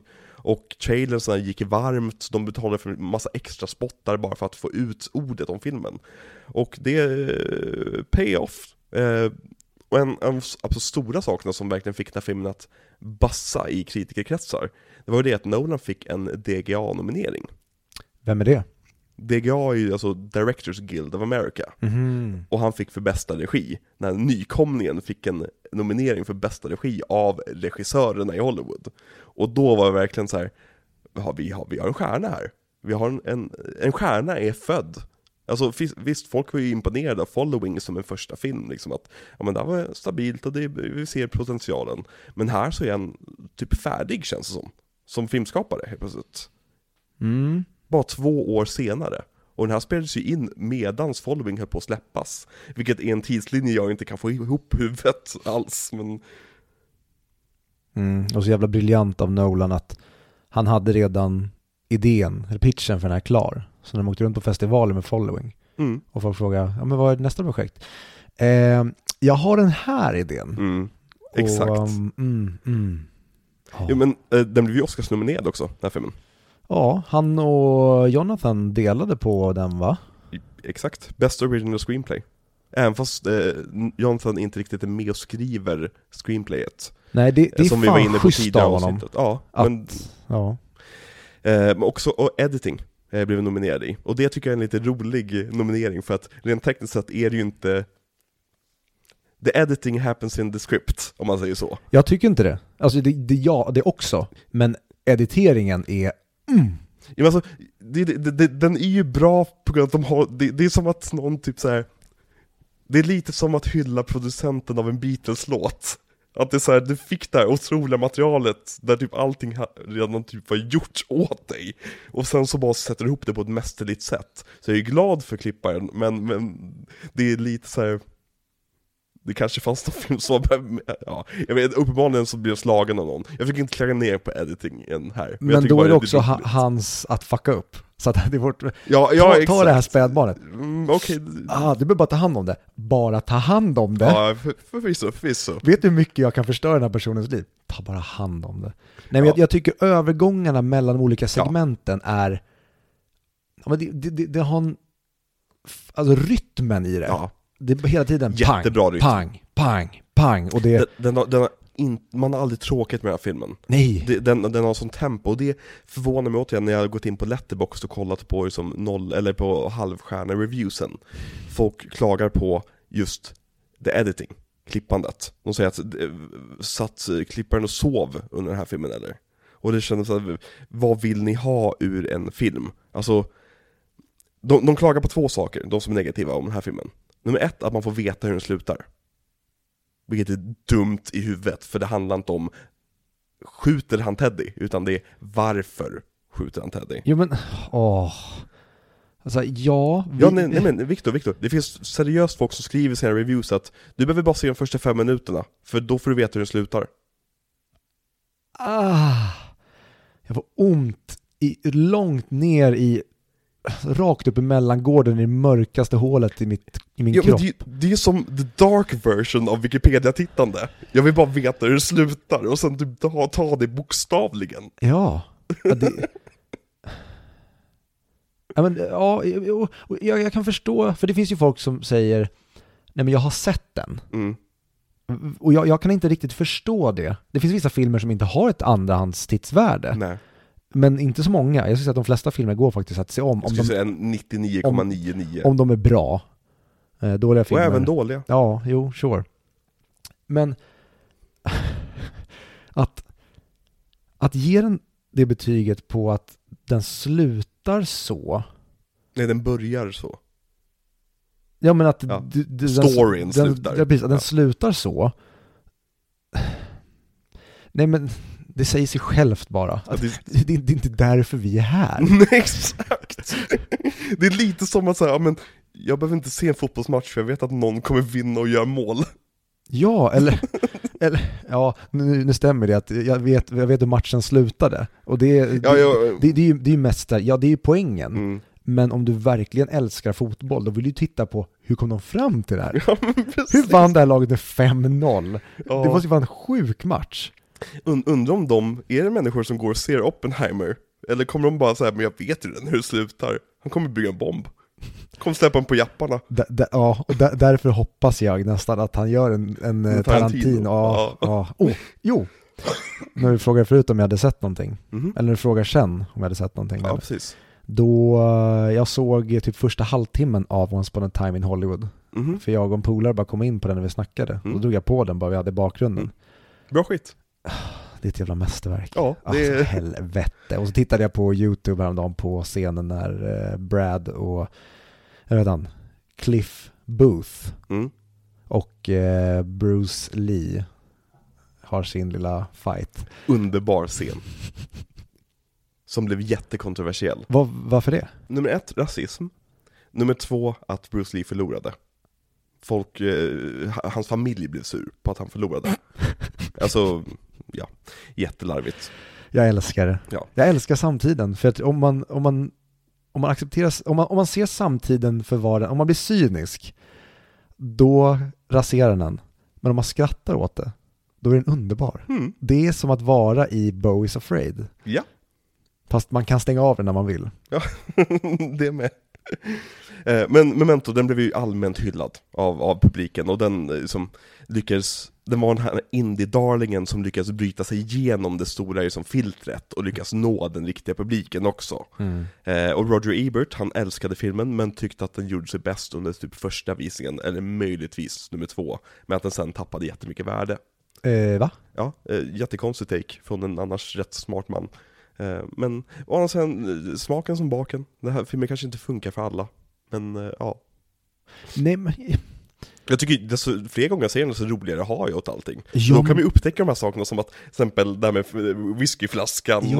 och duschen. Alltså duschen är så rolig. det är så alltså, mycket nuggets. Nej men fatta att vara Dodd Du, du, du, du kör upp bredvid en snubbe på gatan som kör runt i typ en knark, din, din knarkbossbil liksom. Och ha- han agerar sketchy as fuck. Du, du kör efter honom, försöker få honom att stanna, du sk- skjuter på honom, du jagar efter honom, springer efter honom, helt plötsligt vänder han mitt i, mitt i jakten och börjar jaga efter dig. Och du, du okej, okej, bra, då fortsätter jag jaga honom. Och sen försvinner han ett tag och undrar vad fan är det som försiggår? Ja, ja, jag åker väl hem till, mi- till mitt hotellrum. Går in i ett hotellrum, ställer och pissar. Helt plötsligt märker att den snubben står i min dusch. Och attackerar dig naken. Ja! Ja gud, jag älskar den här filmen. Ja, hade den här filmen varit mindre rak, då hade jag nästan velat ha en sekund där Dodd stannar upp där när ehm, Ja. Lenny börjar jaga honom. Han, de bara står och tittar på varandra en sekund. Vänta, who's chasing who här egentligen? Ja. Och sen bara, nej men det är jag! Och sen börjar han springa efter. Ja, gud. Eh, så, så jag tycker, jag håller inte alls med om att den bara håller för första två tittarna. Nej! Alltså jag tycker såklart, det är, man blir ju bommad Mm. på första titeln, men det är lite, alltså som Shutter Island också, du kan börja titta runt på alltså, omgivningen och detaljerna som Nolan har planterat där. Ja men, bara en sån sak som att Natalie, efter, alltså det, det man minns för Natalie det är det att men det visar sig att hon, hon är en rätt nasty tjej. Mot, hon försöker utnyttja Leonard. Och sen så inser vi att, men vänta vi har fått se massa scener som utspelar sig efteråt här. Där hon faktiskt är rätt genuin mot honom också. Och det tar vi som början på deras förhållande när vi ser filmen, när man ser om den för typ 50 gången. Så inser man att, vänta, hon har ju varit nasty tidigare, men sen typ så här kommit att kanske tycka om Leonard lite grann. Vilken grej. Jag vill köpa en ny Blu-ray. För att eh, jag har bara min PS4. Och den låter som ett eh, jetplan. Köp en ny PS4. Nej, Varför inte då? För? för jag spelar inte. Ja men du använder som Blu-ray-spelare, du kan få en hur billig som helst. Nej. Är det så? Ja, Det är väl en laxing åtminstone? ja men jag tror inte du får en Blu-ray-spelare billigare. Jo. Jag satt för typ 300. Jaha, Alltså på typ Marketplace. okej, ja, nice. Ehm, för just nu ligger alla mina Blu-rays nere i källaren. För Jaha. att jag eh, tittar aldrig på det för att jag stör mig så mycket på ljudet. Så när du och jag och några andra ska ha midsommarvisningen snart, Mhm. Då kommer jag att eh, ställa in PS4 i rummet här bakom Ja. och bara dra HDMI-kabeln. Mhm. För att vi ska inte störas av det där. Vi ska kolla på Midsommar. Så jävla bra film, jag ser så mycket fram emot att se den. Mm. Och jag, vill, jag ska, åh, ska vi försöka få till att se Hereditary inför? Jag tycker, tror du med att vi ska se en annan Mhm. kort Nej, det, det, vi ska se den ändå. Ja men, eh, ska vi se Heredity, eh, och typ köra i podden, eller bara, bara för att se? Ja, ja, alltså bara för att se. Ja, ja, Jag var nära på att se den häromdagen. Men då såg jag Wolf of, eller häromdagen, det blir härom veckorna. Ja. Eh, då såg jag Wolf of Wall Street istället. Jag tror att, ka- kanske, eh, föreslå det när, när det börjar bli dags. Mm. Nej men det är ju ingenting, det är inget måste, Nej. som att man ska se Batman Begins inför Dark Knight. Nej. Men i och med att det är liksom Ari Aster-tider och då vill man gärna se det mästerverket inför det andra mästerverket. Mm. Och jag vill se om Bo is afraid, men jag har inte fått arslet ur för att jag har lovat eh, min sambo, min bror, hans sambo och min syster att se det med dem. Mhm. Och få ihop det var lättare sagt än gjort. Det är oftast så med vuxna personer. Och sen så har vi tre timmar film på det, så Exakt. det kan inte bli så att vi går på en för sen visning. Det är nästan man måste göra på en helg. Mm. Man vill göra på en vardag, Mm. tror jag kanske.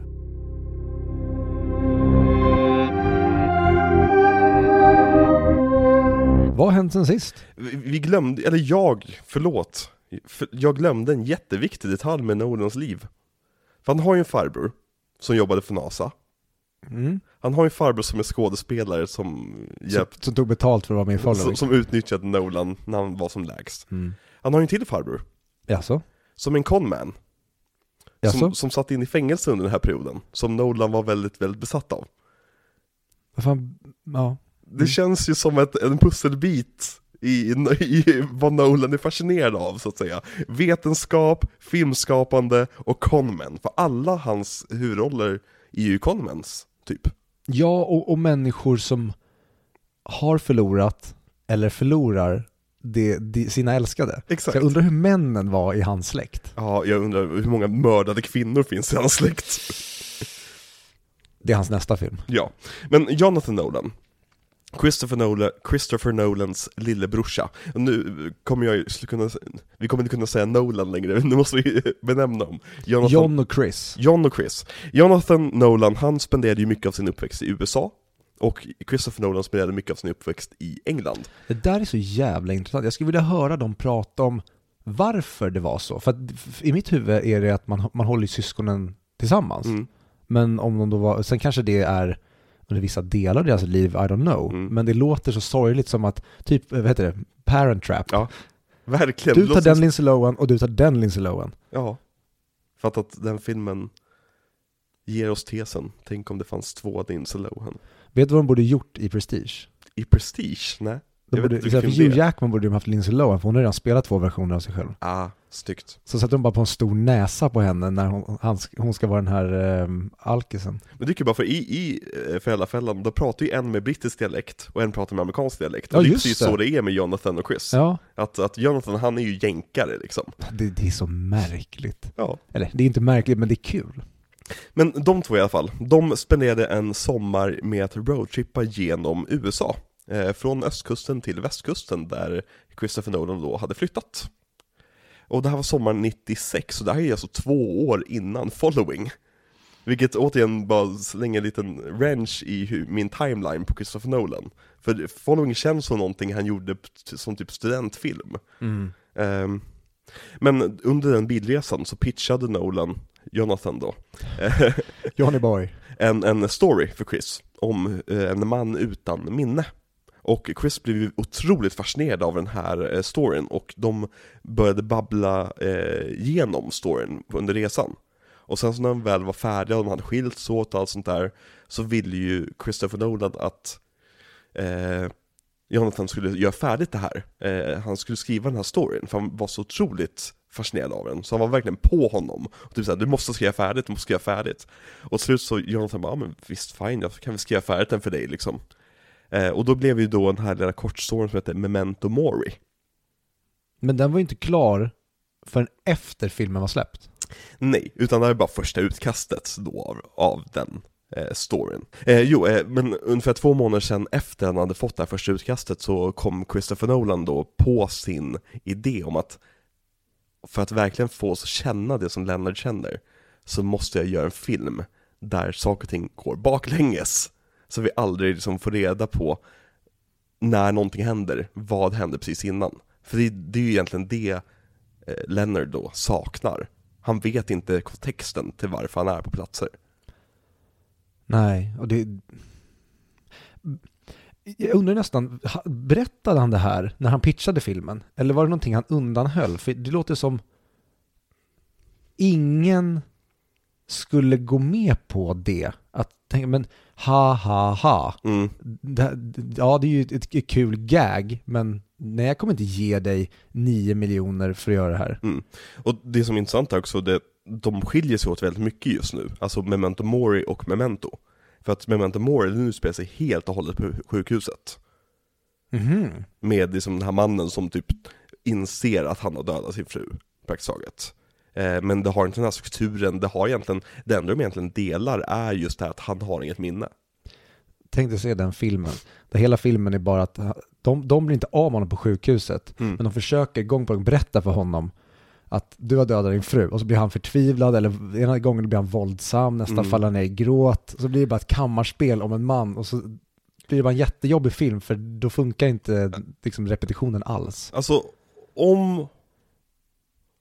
Om de får med Leonardo DiCaprio får honom att säga We're duly appointed federal marshals Så, så är jag med på att de gör filmen Ja, det var så det blev. Ja, Men exakt. Scorsese snodde den. ja, verkligen. Scorsese är en jävla tjuv Jag Verkligen. hatar Scorsese Ja, för framförallt när han snodde idén till både Taxi Driver och King of Comedy mm. från Joker. Ja, verkligen Så vidrigt gjort av honom Och så lånade han David Harbers tidsmaskin. Gjorde han? Och så åkte han tillbaka och planterade Taxi Driver Ah. och King of Comedy. Exakt, smart Han är smart. Ja, ibland är han smart, speciellt när han lägger in datanimerade råttor i slutet, i sista shotten på en väldigt, väldigt, väldigt, väldigt bra film Ja, eller när han lägger in CGI i ansiktet på gubbskådisar och försöker få oss att tro att de Gud, jag är såg 40 den år. scenen på Twitter randomly häromdagen. Eh, Robert De Niro har blivit farsa igen. Grattis! Ja, grattis. eh, jag vill inte tänka mig Robert De Niro knulla. Jo, För det Eh, ser ut som i. The Irishman. Men när han spöar på den, alltså jag fattar inte, jag fattar inte att, att, det, att det flög för Scorsese. nej, det får en ju att ifrågasätta honom lite grann. Ja, men eh, Killers of the Flower Moon, där vet vi i alla fall hur en scen kommer se ut. Berätta. Du vet Leonardo DiCaprio, han sitter vid ett bord va? Ja, och bredvid honom det, det, är, sitter the, en tjej. det är the whale, eh, the, Ja. the whale-bilden på Chuck. Ja. Ja. Eh, Men 1997 så visade Emma Thomas, alltså Christopher Nolans flickvän och framtida fru. Hon visade Chris manus för Aaron Ryder på Newmarket Films, som blev superimponerad och kallade manuset för sannolikt det mest innovativa manuset jag någonsin sett. Låt mig satsa på det här, snälla, snälla, snälla! Och sen gav hon honom Inception. Och då sa han, nu räcker det. Sluta! Och så gav någon prestige. Mm. Men lägg av nu! Nej. Och sen men, lägg av! Spärra in den här jäveln. Eh, Men Newmarket, de plockade upp Nolan och bara, här, ta en budget på 9 miljoner. Gör något kul av det här. Eh, och så var produktionen igång. Alltså fattar du vad 9 miljoner är för Nolan där? Ja, Vad var förra? 9000? Om ens Nej, det. 6000 tror jag Ja, jag tror jag 6000. Oh my god, och sen ska han få leka med 9 miljoner. Och det är, alltså, hade någon sagt till mig att den här filmen kostar en halv miljard, Mm, eller ja, 50 miljoner dollar, mm, då hade jag sagt, ja det är väl rimligt. mm. För den här filmen är, inom citationstecken, den ser tråkig ut. Mm. Och jag älskar det, hur, jag vill inte vara här. Nej. Men fan vad dyr den ser ut med Mm. alla detaljer, alltså tatueringarna, eh, scratch, alltså den här, Det måste vara en kontinuitetsmardröm. ja, och det känns som att de, de har nästan stopp, stoppat in pengar som i en kontinuitetsautomat. Mm. Den har bara sugit upp pengar, för de Ja. måste ha 71 skriptor som alla har koll på varenda liten detalj. Ja. Eh, Det är eh, pengar på skärmen. I mångt och mycket, och Nolan är ju duktig på pengar på skärmen. Mm. Han är ju en person som faktiskt, han, han är ju en av de här få regissörerna i dagsläget, och nu går vi händelserna långt i förväg, men som får de här stora budgeterna och faktiskt gör någonting med den budgeten. Mm. Och det är så... Det är så bra att han kommer från ett håll där han kan alla delar av filmskapandet Ja. själv. Så att han vet precis vad han vill ha från varje del. Och tänk, tänk att få jobba med en sån som kan ljud. Mm. Alltså verkligen så här, jag, jag har gjort allting själv. Fast vissa skulle säga att Nolan inte kan ljud. Ja, det är, Det är en annan femma som vi kommer komma till. det är tycke och smak. Ja. Men att ha, hur han kan förmedla vad det är han Ja. vill ha på ett sätt. Alltså lite som vi kommer komma in liksom på Wally Fister. Men hur han, hur de hittar varann. Och hur Nolan verkligen vet vad han vill ha Mm. och bevisligen så kunde Fister leverera det. Men inte bara det, han var också som Nolan att han är van vid att göra alltså, indieprojekt och små budgetgrejer. Så han kan göra väldigt mycket med väldigt lite, väldigt fort. Exakt, och det är en egenskap som är guld värd i Hollywood. Speciellt bland nya regissörer, bara för att kunna visa att ja, men jag, jag blir av med filmen. Mm. Den här kommer inte ut på tiden liksom. Mm. Vad tycker du om Wally Fisters foto i den här filmen? Helt amazing. Ja, Men jag sörjer, även fast jag tycker väldigt mycket om Hoytes foto, Ja. jag sörjer att han inte jobbar med Wally längre. nej. Tyvärr. Du- Alltså, jag, jag tycker väldigt, väldigt mycket om hans naturalistiska foto. Mm. Och att det känns, det känns som att vi är på riktigt, men han, det, är no, det är någonting med pacen han hela tiden flyttar kameran Mm. som får det kännas ultracinematiskt. Ja. Allt är nästan en trailer shot. ja men, jag vet inte om det här är typ världens tröttaste åsikt, men fotograferna var ju bättre förr. Mm. Alltså, om man bara kollar på otroliga Missfiret From Hell som jag pratade om i början på avsnittet Den var fantastiskt fotad Alltså jag, vissa shots är typ såhär, gud det här hade vunnit Oscar idag Och så kollar man i nästa sekund på trailern till Lilla Sjöjungfrun Som ser ut som att den är filmad under vatten på riktigt, fast i typ Themsen. Det är eh, om, Jonathan Nolan tänkte säga, om eh, James Cameron Mm. är Christopher Nolan när det kommer till regi, Ja. så är Lilla Sjöjungfrun, det är Wally Pfister när han ska börja regissera. ja, precis. Eller resten av Nolan-familjen när de ska regissera. Ja. Ja, Jonathan han har inte regisserat än, så han kan Nej. vi, han, han kan ju säga att men han, Men- han gör ju bra grejer. Men Jonathans fru, Men när, när han låter sin fru ratta skeppet, då är det rakt in i isberget och sen så, så får vi aldrig se när alla drunknar för alla bara dör av smällen, så det blir aldrig ett drama och det finns inget kärlekspar i vad heter filmen. den? Evanescence? Ja, Evanescence. vad hette den då? Bring Me To Life var undertiteln. Exakt. Daredevil-låten. Evanescence. Ja. Bra skit. Ja. Skulle vilja... My Immortal är ju dock världens mest sönderspelade emo-låt, men den äger. Ja, precis. Den äger verkligen. Ja, speciellt eh, rockbandsversionen, när bandet är med på slutet. Det minns jag inte. Okej, för det, det blir så jävla episkt. Var det Som- du eller jag som hade det albumet? Eh, jag tror vi båda hade det Ja, albumet. vill minnas det så. Ja. Mm. Fan, där är det. Men- Bra men vad film. hette den? Eh, Tran- eh, Reminiscence. Varför är Transcendence och Reminiscence, som För är som Nolan-adjacent-filmerna? Ja, men för att de, det, det är verkligen, det är som att man, man har gjort liksom um, Saturday Night Live-sketcher, det är Papyrus, Ja. fast det är Nolan-varianten på det. Ja men det, och det, det är typ som att Spielberg har en, har en, en, en lillebror som gör, inte E.T., men han gör Contact. Ja, eller typ om AI. Alltså den låter ju som att man har gjort en rip-off på E.T. Ja, ja men precis. Ja, det är så, det är så märkligt. Hitta någonting eget och nytt. Men snälla, kan ni hålla er till no- någonting basic? Det måste inte hela tiden låta som att det är ett väldigt typ ideologiskt eller psykologisk term som betyder väldigt komplicerade grejer. Exakt. Nej, Transcendence, den skulle jag vilja se om dock. Jag minns att den var så fruktansvärt dålig. Ja. Och Morgan Freeman är väl med? Ja, Johnny Depp Ja, John Depp spelar huvudrollen. och Rebecca Hall. Ja, det är Rebecca Hall. Michael Caine är väl med? Det lär han ju vara. Säkert. Han blev tvingad av Chris. Eller det var Wally som hade tjatat på honom Ja, precis. Exakt. mellan han filmade. Come on. Och i, och i Reminiscence, då var det Hugh Jackman och eh, Ferguson va? Ja, Riktigt bra casting på förhand. ja, verkligen. Stackars de som behövde vara med Och det är också film om att minnas, Ja, som ingen minns. nej, det, det, var, det var det den lämnade. Ja. Men för övrigt, kul, jag, för, i och med att jag inte hänger någonting på Twitter Ja. eller jag, liksom, det jag läser det är typ Omni-appen för att bara få summerade nyheter Ja. för jag orkar inte gå in och scrolla i alla Bra. fula klickgrejer.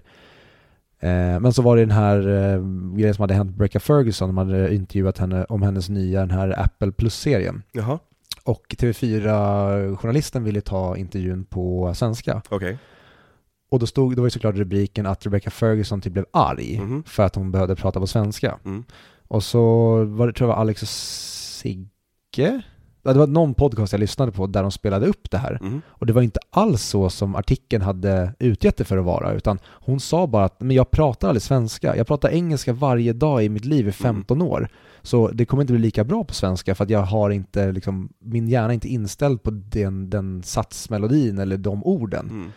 Men så var det ju helt klockrent. Mm. Men det var egentligen bara att hon typ ville flagga och sa att jag gör helst inte det här på svenska. Och sen kom Malou Sivertsen och sa, nej men vi gör det på svenska. Ja, typ. Det är för att jag älskade den intervjun. Ja. Ibland lyssnar jag på den bara för att få lite cringe-energi.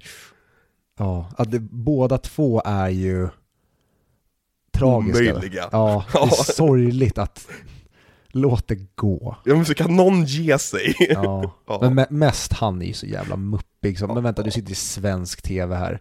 Tror du på riktigt? Och det är ju inte som Rebecca Ferguson, utan Nej. han har ju emigrerat dit. Rebecca Ferguson Och har han ju hade liksom... ett filmteam med sig också, det är ju därför, ett amerikanskt filmteam med sig. Han Jo, ville göra det på engelska så att det skulle kunna vara förståeligt sen. jo, precis, men du har inte den rätten. Rebecca Nej. Ferguson skulle kunna ha med den rätten för att hon är ju inte svenne i den sensen. Nej precis. Hon är ju halvbritt. Ja, Väl? Jo, Någonting sånt. Ehm, så att, och, och liksom har inte bott i Sverige på hur länge som helst. Så att hon har egentligen åkt hem, inom citationstecken, och liksom jobbar på sitt andra turf. Mm. Medan Fredrik Eklund, han har ju bara dragit till, till New York och har blivit liksom svensk amerikan tror han. Och sen så när du kommer hem till Sverige, då tror jag att vi ska spela med. Att du ska låtsas, att du ska prata engelska i det här Mm. svenska tv-programmet. Give me a fucking break. Mm. Jag undrar hur sann hans historia är. Att han åkte till, Lon- nej, till New York med typ 100 dollar på fickan. Och sen, Noll. det måste ju vara kontakter. Jag tror hans brorsa är mytoman också. Ja, säkert. Men, De är i alla fall kryddare av Guds nåde. ja. För, eh, för dem handlar det bara om storyn, det handlar inte om hur sant det är. Jag råkade halka in på Alex Schulmans Instagram. Han visade upp den där otroligt creepy eh, modellen han gjort av sitt barndomsfritidshus. Ja just det, det pratade jag om i podden. om. Och känner bara, lämna barndomen för helvete. Men det, det, då dör han. Ja, jo men det är verkligen Det är det. hans respirator. Ja, det är Det, hans det, sätt det är enda som håller honom från att slå sönder Amanda Schulman.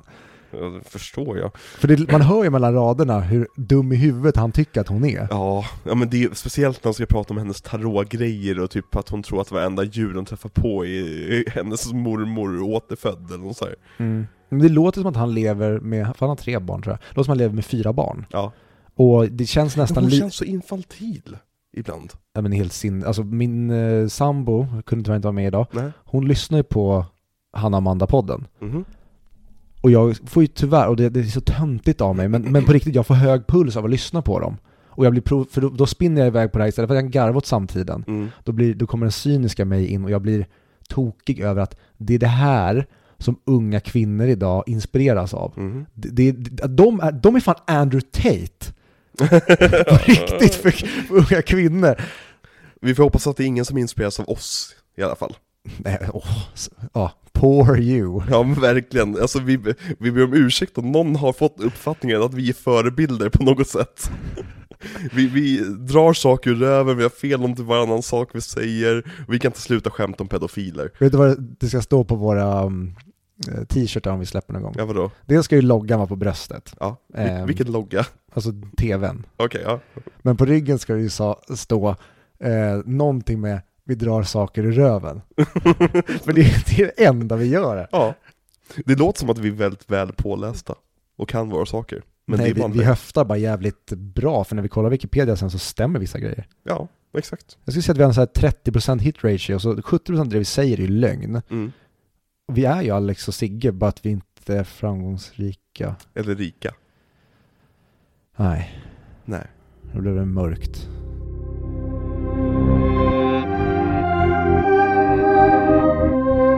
Ska vi prata om posten till den här filmen? Ska vi prata om filmen? Ska vi prata om posten till den här filmen? Mm. Vad tycker du om posten till den här filmen? Och det är den med polaroid på polaroid på polaroid Mm. jag tänker på. Oh. Jag känner lite för den som jag känner för Seven-postern. Mm. Jag gillar den inte, men den är jävligt snygg. Den är ikonisk. Ja, det, det är inte min typ av poster. Nog för att jag är uppvuxen med liksom Sagan om ringen och Star Wars Mm. Det känns mer som min grej, även fast den nu har gjorts till, man tycker att det är patetiskt hur, att folk försöker göra Mhm. sådana posters idag när de är så ironiska utan att de vill vara det. Eh, men det här är mer, den, den är typ för smutsig för mig. Mm. Jag gillar när det är mer clean. Den känns väldigt 90-2000-tal, grungeigt, Matrix. Och jag, jag tycker att den är 5 av 5, den är Mm. fantastisk. Men för mig Mm. så är det ingenting jag typ skulle vilja ha på väggen inom citationstecken. En poster folk har haft på väggen dock. Kan vara så. Filmnördar i alla filmskolor i hela jävla världen har haft den här film, äh, postern på väggen. Just för att det var just det här lilla udda draget, att tycka om Memento. Vi riktiga filmälskare hade ju Doodlebug på väggen. Exakt. Eh, vi riktiga filmälskare, vi hade ju eh, Lumières eh, arbetare går ut från eh, eh, fabriken på väggen. Eh, men eh, det är bara vissa som kan the OG som hade det. Ja. Vet du vad du hade på väggen i ditt barndom, barndomsrum? Ja, men vad tänker du Du på? hade League of Extraordinary Gentlemen. Ja! Den posten rockade. Fa ja, den. Oh, det är right. Det är precis våran liksom... Eller gjorde den det? Eller gjorde Jo, den det? den är fan snygg. Är den det? Den är det. Okej. Den är det. Ja, vad mer hade du på väggen hemma? Jag hade väldigt mycket fotbollsposters, Mhm. för jag prenumererade på Goal, så jag fick ju alltid en ny spelare i Mm. varje Eh, Sagan om ringen Mm. hade jag ju. Eh, Revenge of the Sith, eh, signerad av Frank Oz. Ja, just det. Eh, vad mer då? Gud vad det... Det var väldigt Men mycket. du hade ju snedvägg, så det var väldigt jobbigt för dig att hänga upp posters där. Ja, det var lite drygt. Fan pappa, varför kunde du inte bygga ett fyrkantigt hus utan lutande tak? Ja. Fy fan, min uppväxt var piss. Jag hade ju Sagan om ringen-postern, Mm. med Frodo där i mitten. Mm. Och sen hade ju jag nästan utslutande typ metal-posters, för mina favoritband. Mhm. Eh, jag hade typ inga filmposters alls. Jag minns att du och jag stal filmposters från eh, Filmstaden Söder. Ja. Nej, jag tror bara att vi hade behövt gå in och be om en. Vi hade ju bara behövt göra det antagligen. Ja. Men vi stod och drog ut dem och så fick man dra ut två stycken ur de här eh, liksom posterhållarna. Ja. För att det var ju svårt att dra ut dem att de skulle hålla. Så det blev ju ofta revor eller någon gick Ja. sönder och så var vi rädda för att bli påkomna. ja. Gjorde också mycket med Marcus Lundin. Lu- Nej, vi ska inte nämna Lundinarna igen. Jo. Ska väl nämna dem? Jag ska, jag ska skriva en, en film i Tomten far till alla barnens stil om en Lundin-fest. Där alla vuxna blir alldeles, alldeles för fulla. Ja, och vi barn har the time of our life. Sitter och lyssnar på mm, Onkel Konkel uppe i någon storebrorsas. Och spelade många, alltså de hade så mycket, framförallt tv-spel men även filmer och sånt. De var ju Mm. sådana prylnördar, de hade ju trumset och fan hans moster. Det var ju som att vara på tivoli och vara hemma hos dem. Mm. Mycket GTA har man lirat hos dem. Ja, mycket, jag ser fram emot typ så tecken också. Och sådana typer av fightingspel. Mm. Mycket våldsamma och, och bilspel och grejer. Det var ju de, hos dem jag spelade Warrior-spelet. Warrior-spelet, Mm. var det bra? Ja, det var Rockstar som hade gjort det. Jag för mig Mhm. att vi nämner det här i eh, The Warriors-avsnittet som finns på Patreon om man vill lyssna på det. kul. Eh, men ja, posten till Memento, Posten är, Memento. eh, den är fantastisk. Ja, eh, jag gillar det här temat med polaroiderna. Eh, jag tycker också om hur det typ blir en, ett motiv för filmen också. Ja, Eh, om den hade gjorts idag, då hade han ju bara haft ett Instagram-konto. påminner inte om samtiden. Du vet ju att de planerar fortfarande att göra remake på den här filmen. De planerna har inte gått i graven. Eh, jag vill jättegärna att de gör det, Ja, jag med. av helt fel anledningar. Ja. Vilken svart kvinna ska man kasta i huvudrollen? Viola Davis. Ja, det hade... jag hade jättegärna sett Viola Davis i huvudrollen på den här filmen. Okej, vilken svart kvinna skulle man inte kasta i huvudrollen? Oprah Winfrey. Whoopi Goldberg. Whoopi Go- Ja, Jo, det hade jag också velat se. Hon går bara runt och sk- vad heter det, skrönar. Ja. Äh. Jag tycker om Whoopi Goldberg. Är, det känns aldrig som att hon har skådespelat någonsin. Det känns som att hon bara går runt och varit skön. Vad heter den? En värsting till syster? Ja, Eller nun, precis. ja, det är Nunna-filmen. Ja. Just det. Sister Act. The Tesseract. The Tesseract. Det kommer om några veckor. Jaha, ja, du menar den tror jag, jag tänkte på Avengers. Mm. Och det har vi pratat om för ganska precis ett år sedan. Just det. Ja.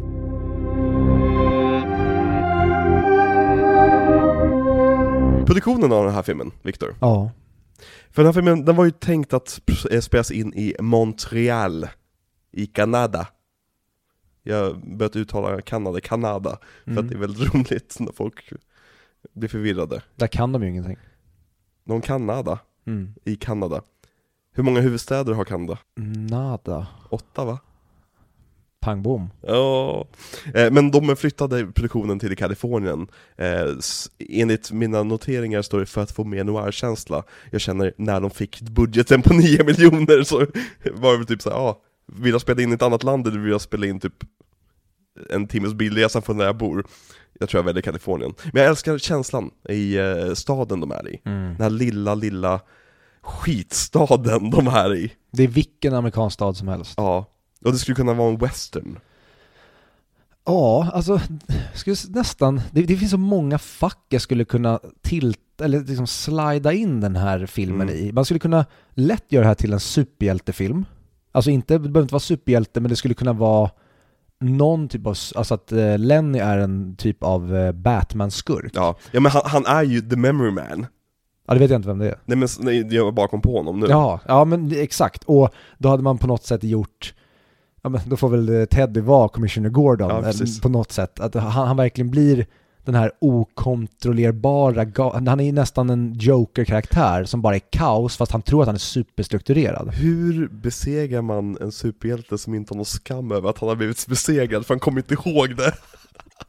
Det är Team Rocket. Ja, men han är hela tiden, jag ser verkligen framför mig hur han hela tiden är i akt 3 i sitt huvud av sin plan. Åh. Och typ såhär, men såhär, Batman såhär, jag besegrade dig för två veckor sedan så här. Va? Nej? Då, jag är ju precis redo att, att utföra min plan här. Så här ja, vi, vi kan din plan nu vid det här laget. Ja. Är det här en prequel till eh, Batman Begins? Ja. Delar den några skådespelare? Det gör den!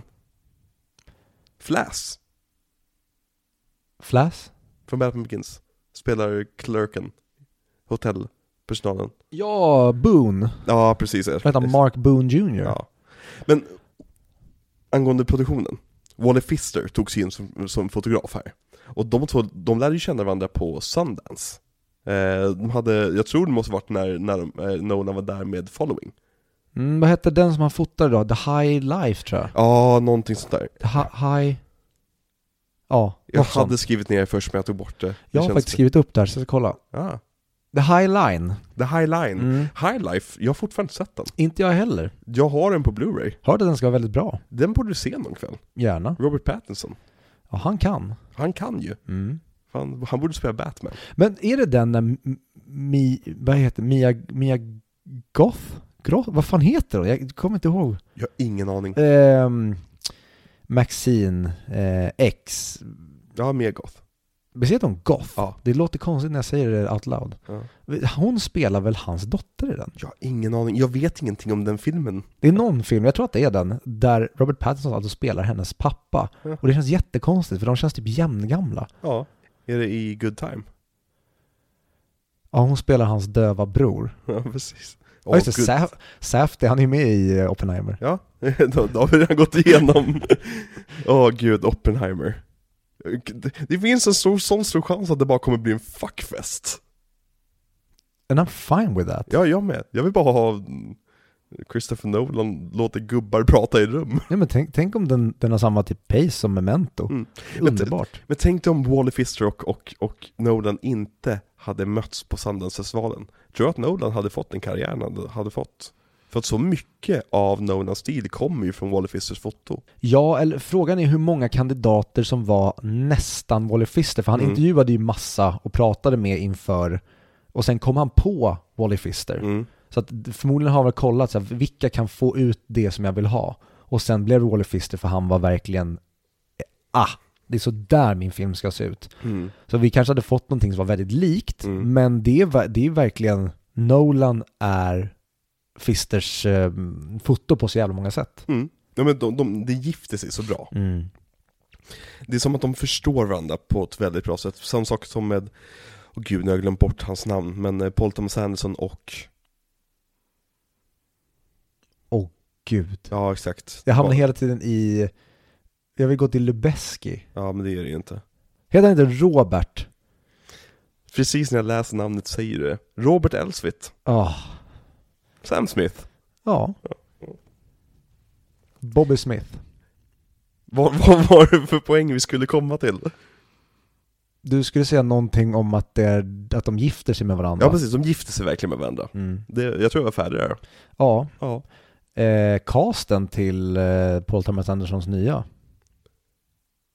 Eh, Va? Paul Thomas Andersons nya film.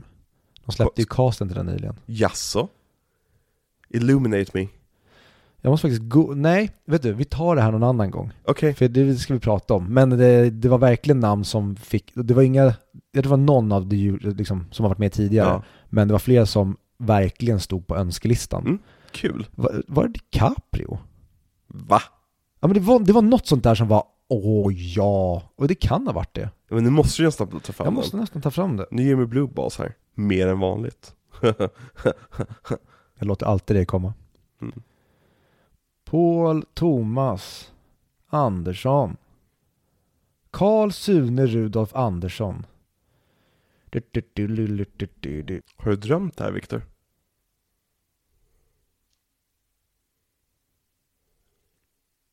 jag, jag hittar inte nu, men den spelas in i sommar, så casten finns ju. Okej, Men vi skiter i det just nu. vi kanske kan komma på det till ett eh, framtida avsnitt.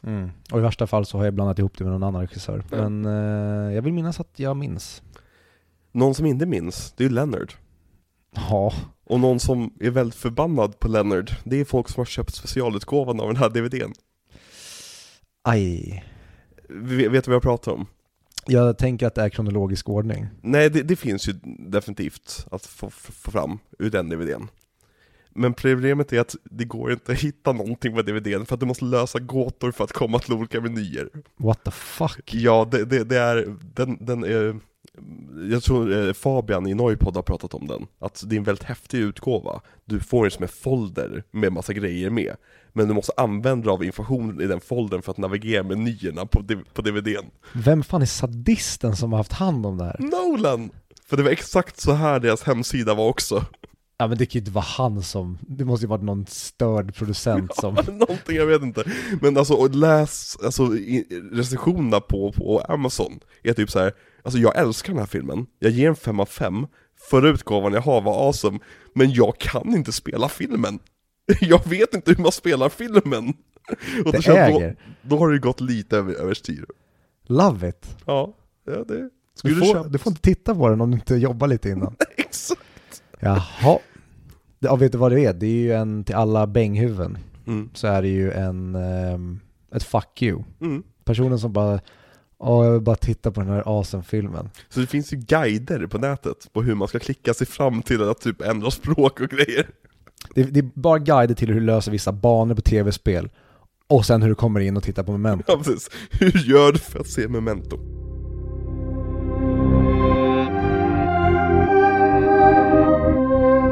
Men Viktor, vad handlar den här filmen om?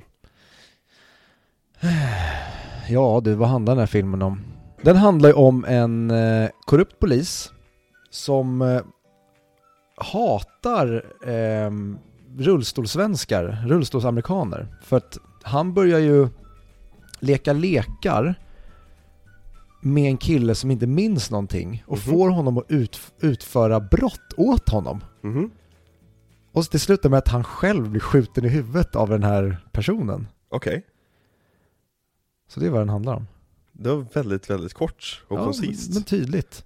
Men ehm, skämt åsido tänkte jag säga, inte skämt åsido. Det...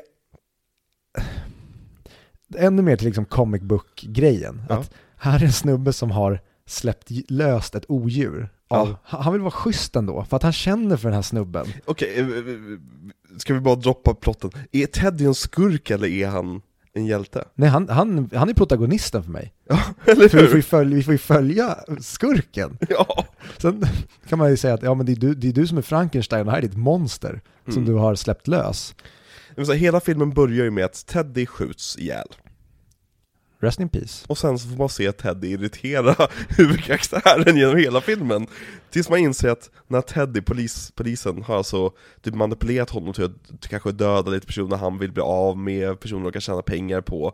För att eh, Leonard, han, han, han, han hittade sin frus mördare för flera år sedan. Nej, det var, han hans fru var inte ens mördad. Han, hon hade bara blivit våldtagen och nästan Ja mördad. just det, just det, jag Så att glöm... Så att han hon, Han dödade ju sin fru. Han dödade ju sin egen fru. Ja, Och han är ju Sammy Jenkins. ja! Just det. Det är det, den här filmen är så jävla mångbottnad. Ja, just det. Ja, och, och, och det visar sig att hela anledningen till varför han dödade Teddy är för att han gav sig själv tipset om att döda Teddy. Ah.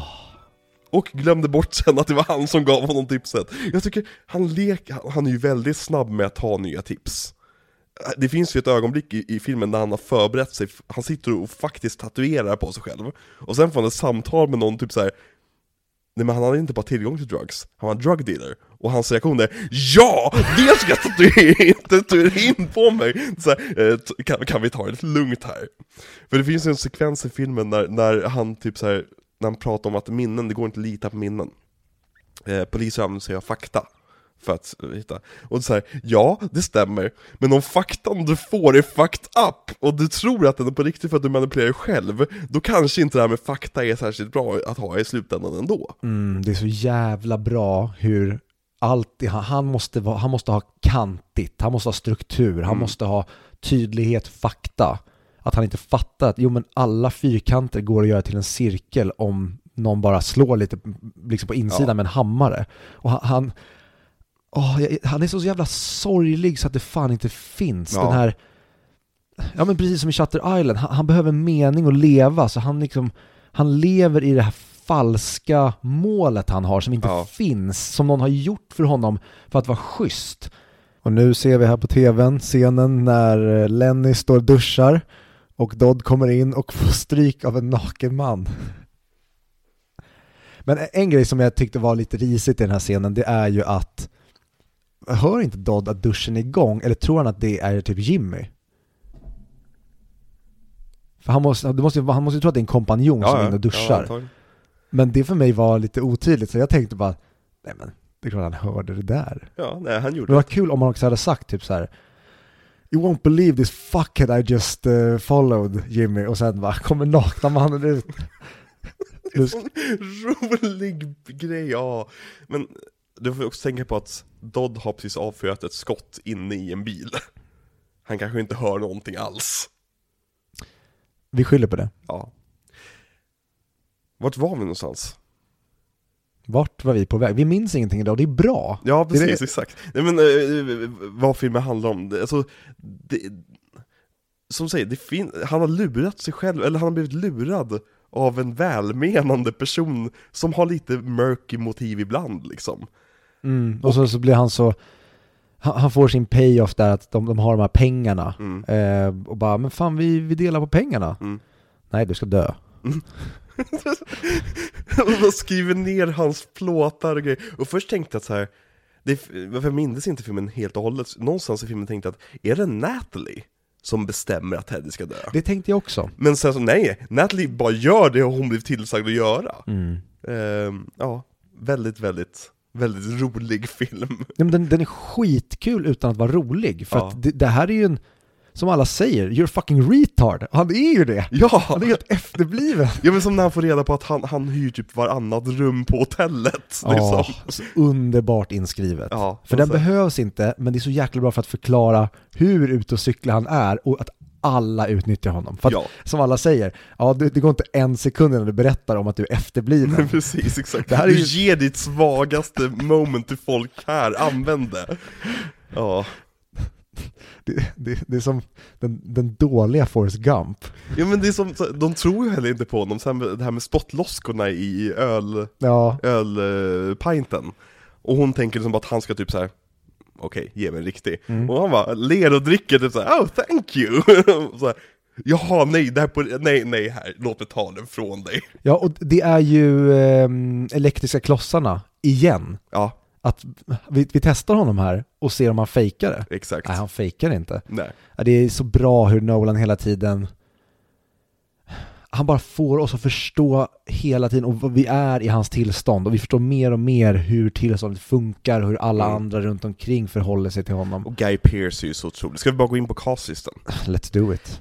Jag tycker Guy Pearce är briljant som Leonard Shelby. Ja, jag kollade igenom vilka som blev Oscarsnominerade det här Mm. året och ehm,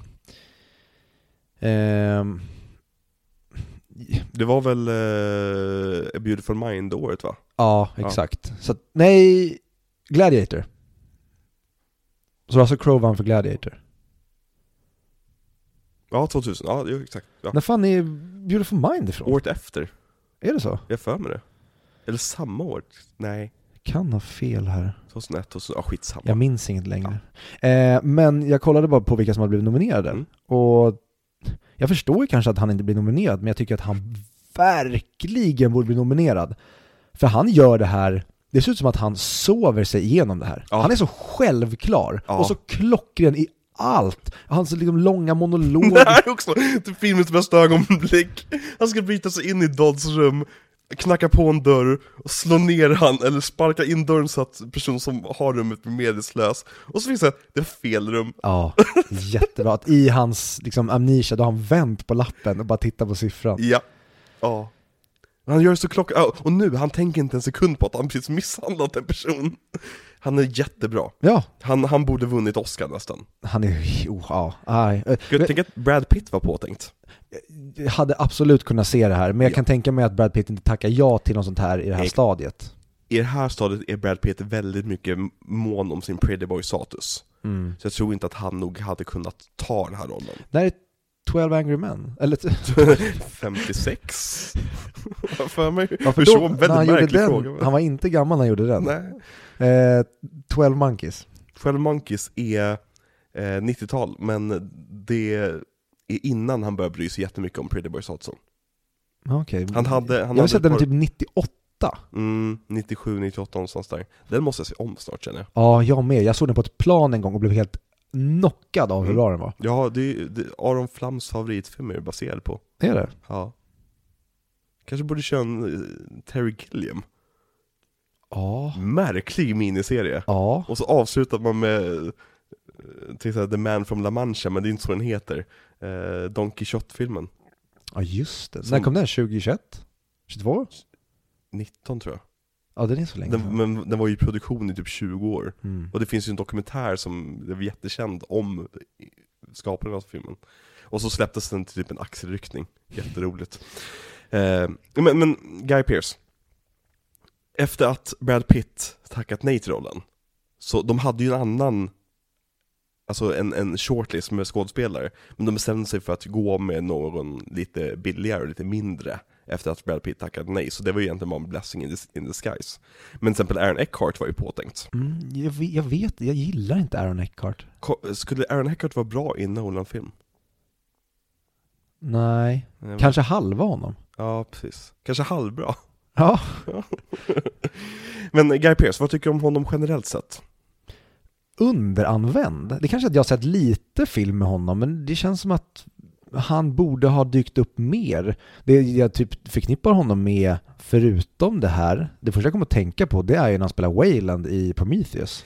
Han är ju, är, är ju, han är ju en skådespelare som inte har fått den karriären han förtjänar. Verkligen inte. Antagligen, och det här kanske låter jättekonstigt, men jag tror att han helt enkelt är för snygg. Lawless. Där är han ju... Men så här, han ser ju verkligen ut som typ varje nörds mobbare.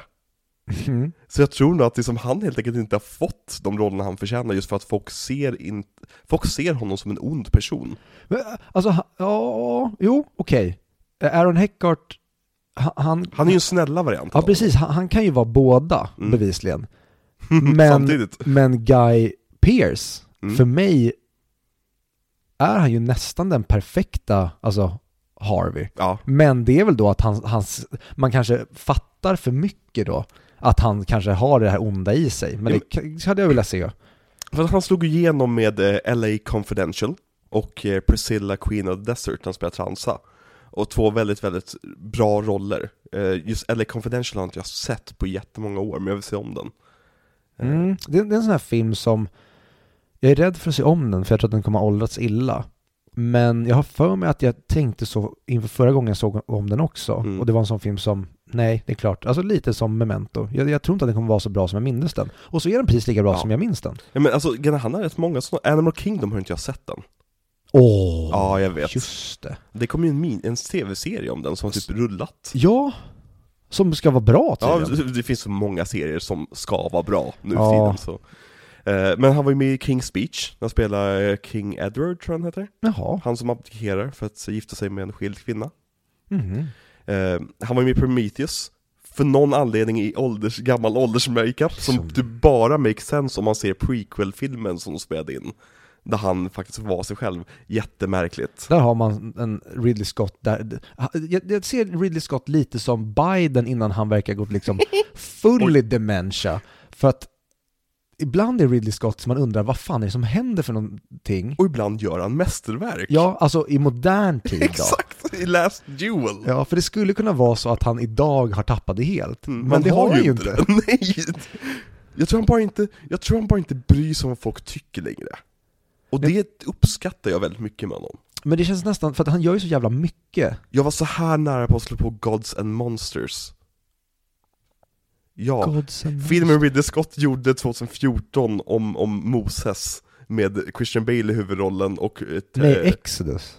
Exodus, Gods and Monsters. Har den den undertiteln? Ja. Nej, Gods and Kings, förlåt. Gods and Kings. Jag har inte sett den. Den såg jag på bio, och jag minns att såhär, ja det var väl kompetent gjort, men what the fuck? Christian Bale i huvudrollen som Moses, eh, vad heter han, Edgerton, Mm. eh, som, som, som Ramses. Och det är verkligen så här, fylld av bra skådespelare och grejer. Aaron Paul var med. Och Aaron Paul spelar Aron, tror jag han heter. Nej men, jättekonstig film som alla bara memory-holade på grund av att det var verkligen den sista dödsrycket av vita personer spela egyptier. Ja. Ridley Scott gjorde den filmen.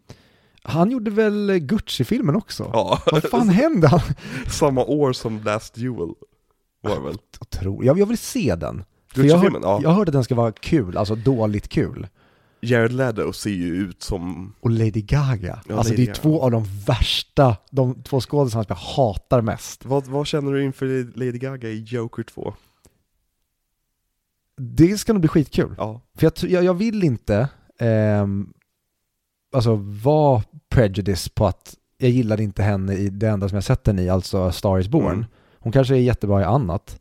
Men jag vill inte se henne i en film, men när det ändå är Todd Phillips som gör Joker 2 som Ja. ska vara musikal, ja, sure. Du, du har säkert dina anledningar, Mm. men jag väljer inte henne om jag får välja. Och framförallt inte henne och Jared Leto i samma film som ska göra stora karaktärer. Det det känns låter som att jättekul. Ja, det, precis. Det låter som att det är åt helvete. Ja. Men Lawless, nämnde du. Film som, det känns som man, man tänkte så mycket på den när man hade sett den, och man, man snackade om den, och sen så har den bara försvunnit. Ja. Den bara, upp i luften. Ruggig cast och ruggigt tight vill jag minnas. Shia LaBeouf va? Shia LaBeouf, Jessica Chastain, eh, Tom Hardy. Eh, eh, Jason Clark. Ja. Varför känns det som att han alltid spelar efterbliven, typ storebror? Varför blir han alltid kackad i sina filmer? Folk Ja. ligger alltid med hans fru i, i filmer han är med i. Ja, han känns verkligen som en sån person. Ja. Han är perfekt för den rollen. ja. Eh, och sen spelade Guy Pearce också skurken i Iron Man 3. Jaha. Aldrich Killian. Eller The Real Mandarin, som vis- visade sig inte vara The Real Mandarin. Ja, jag skulle vilja se om eh, Iron Man 3, för det är en film jag sett en gång och tyckte att den var bedrövlig. Det är en film som jag tror kan växa efterhand. Vi måste fortsätta med Marvel-miniserien. Nu när liksom Marvel är så pass schizofren som det var. Jag såg ju Guardians of the Galaxy 3, Mm. 5 av 5. Kul, alla verkar tycka att den är bra. Den eh, br- briljanta avslut på Guardians-serien. Eh, jättekul att se att James Gunn faktiskt fick göra någonting personligt. Nice. Eh, bra CGI, bra effekter, bra fighter, roliga skämt. Chris Pratt levererar. Det är väldigt udda. Eh, men ja. Men man kan säga väldigt mycket om, om, om, eh, om eh, Guy Pearce karriär. Men han vinner ändå. Han vinner över alla. Vet du varför? Någon han är gift med? Ja, han är gift med Carice von Houten. Melisandra. Ja. Och jag känner är bra. att han behöver ingen karriär, för att just nu gör han lökiga actionfilmer och släpps direkt på Netflix, Mm. typ. Och ligger med Carice von Houten. Vad gör hon nu för tiden? Oj, det var en bra fråga. Hon kanske blev lite för förknippad med sin roll. Ja, hon, är hon, hon, ju- hon är ikonisk i den rollen. Ja.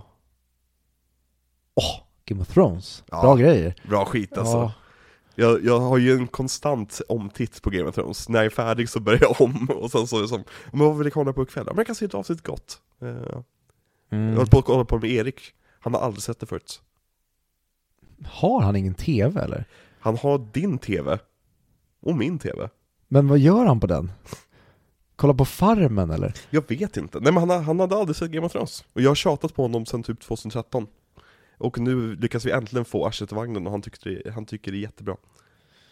Har du träffat på någon som inte tycker att det är bra? Alltså jag har ju hört folk snacka skit om säsong 5, 6, Jo, 7, jo, 8. men men det är ju för att efter man har blivit kär i det. Ja, jo men precis, exakt.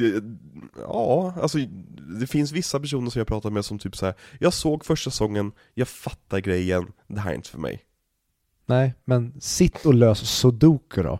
För det verkar vara din nivå av så här, det, det här räcker för mig, blir det mer spacad än så här, då, då then I'm out. Vi lämnar den här diskussionen. Vi kommer säkert få anledning att prata om Game of Thrones i framtiden. Det vet vi inte. Eh, Carrie Ann Moss spelar Natalie. Mm. Också en person vars karriär har gått lite sådär. Men med, på- hennes liksom, de, de två åren hon har, filmmässigt, med Matrix och den här, Ja. då hade jag också loggat ut. Jag hade tänkt att det går inte, jag kan inte försöka med en tredje och nå den här nivån, för att hon är med i två av de bästa filmerna som någonsin har gjorts Ja. inom loppet, och samma sak med Joe Pantoliano. Mm. Nej, men alltså, hon blev ju castad på grund av Matrix. Så hon hade ju ingen stort efterfrågan på sig om hon var med i den här efteråt. För den här är ju praktiskt taget en indiefilm liksom. Mm. Eh, och jag minns ju när hon dök upp som mamman i Disturbia. Ja, Och då kändes det verkligen som att åh, henne har vi inte sett på länge. Och det var ju typ vadå, 2007, 2008? ja det är så sent alltså. Ja, för mig känns det tidigt. Att det bara är typ sju år efter den, eller åtta år efter den här filmen. Ja, i mitt huvud är det en 2004-film, men såklart, ja den kom, ja. Bra film för övrigt. Jag tycker att den är en riktigt bra tonårsrulle. Ja, jättebra uppdatering av eh, Rear Window-konceptet. Ja, just det. Och det är ju, vad heter han, Morse, David Morse. Ja, Jätteobehaglig. som också var typ bortglömd då kändes det. Ja, verkligen. Vad gjorde han? Vad var det man kände igen honom från? Green Mile framförallt. Just det, tack. Eh, han är väl med i någon annan Frank Darabont. Ja, säkert. Eh, jo men vänta nu, eh, var inte han med i typ Apollo 13? Han känns som sån Han var med i jättemånga sådana Mm. under den perioden. Och spelar alltid lite, lite grann av good guys. Mm. Det var kul när han dök upp i Disturber, just som den här psykopaten. Mm. Eh, Men jag tycker om Carrie Ann Moss jättemycket. Eh, Alltid när hon dyker upp. Jag tycker hon är det bästa med nya Matrix-filmen till exempel. Ja, jag håller med. Eh, Och jag tycker hon är... Okej, nej. Jag tänkte säga hon är bästa i den här filmen, men det är inte ens närheten av den bästa i den här filmen. Eh, Jag har mina MVPs. Jo men ja, alltså det, det är orättvist att säga, för jag tycker att hon typ är bäst i den här filmen när hon får vara den här skurken. Ja. Hon, är, hon är jätte, jättebra. Det minns jag, det ögonblick, första gången jag såg filmen, så minns jag hur chockad jag var av det. Mm. Att, och just också att, oh my god, hon kan säga exakt vad hon vill till honom. Mm. Hon kan göra vad som helst här. Han kommer, inte komma ihåg det. Eh, det Jag skulle säga att det är en av de bästa, man skrattar samtidigt som man applåderar åt när hon kommer tillbaka in från bilen igen. Ja. När, när man får den revealen. exakt. Bara, Chris Nolan, du, du får ha alla mina pengar. Men hon dök ju upp också i eh, Defenders-universumet. På de bort- bortglömda saker. Defenders? Eh, Jessica Jones dök hon upp i först. Jaha. Och sen så var med i Defenders-miniserien. Ja, det var Netflix va? Ja, precis. Jättemärkligt när man tänker efter att Netflix hade ett avtal med Marvel, där de fick producera, producera Marvel-serier. Mm. Som slutade i en, i en typ Avengers, där eh, liksom Daredevil och Iron Fist och Luke Cage, alla de där möttes. Och ingen kommer ihåg det längre, förutom Daredevil, som alla pratar om. Kul att de eh, har blandat in honom i MCU. Ja, verkligen. Och, och Vincent D'Onofrio som... Eh, Jävlar vad bra han var. Ja, snuskigt jävla bra casting. Ja, och gud vad jag skulle vilja verkligen Jag skulle vilja se nästa Spider-Man-film med Tom Holland och Mhm. Vincent D'Onofrio som Fisk Och eh, eh, Charlie Cox som Daredevil. Inblandad. Ja, sure, han kan vara med på ett hörn, men jag skulle just vilja se Mm. Spider-Man och Kingpin möta varandra, för det är, Du- det är någonting jag minns så himla varmt från liksom, animerade serien Mm. Men du har inte sett Hawkeye va? Serien? Eh, nej, jag försöker minnas vad det... Ja just det, Hawkeye. Eh, Pilbåge. den mäktigaste Avengern. Den mäktigaste Avenger, han som Mm. vinner mot alla. Ja. Nej men alltså, för att det är ju där Kingpin introduceras igen. I MCU. Och Mhm. de gör verkligen, de, de lyckas dra upp honom lite så att han passar in mer i den här uppskruvade världen. Mm. Men man känner fortfarande igen sin gamla Kingpin liksom. Nice. Eh, verkligen bra utfört. Eh, och han kommer dyka upp framöver också. I eh, både Echo, om den nu blir av, eh, och Daredevil-serien som kommer. Mm, någon dag ska vi prata om eh, var MCU befinner sig någonstans. Ja, de, de befinner sig på väldigt schizofrena platser. Eh, väldigt schizofrena platser. Det här, alltså, nu, nu, är inte, nu är inte där än, men det finns ju en, inte en rädsla, men det finns ju en möjlighet att vi kommer prata om MCU som man pratar om Kodak idag. Att det, vad hände? De Mhm. var liksom king of the world och sen skulle det skulle kunna pot- potentiellt krascha. Mm. Och att de, vi vet inte vart, vad vi ska göra för någonting. För det känns som att alla, i alla fall de jag pratar med, det är inte jättemånga, Mm. men när jag hör att någon har sett en ny Marvel-grej, Mm. främst ja, men typ du, min brorsa, eh, för att nämna några, då är det alltid samma känsla att nej, det här är bara en axelryckning. Men de har alltså jag tror problemet med MCU just nu, det är det att de har haft en hel del ointressanta projekt som de själva typ inte har brytt sig om efter Endgame. Men de har också haft en hel del jävligt bra grejer sen Endgame som är lätt att bara glömma bort att de hade.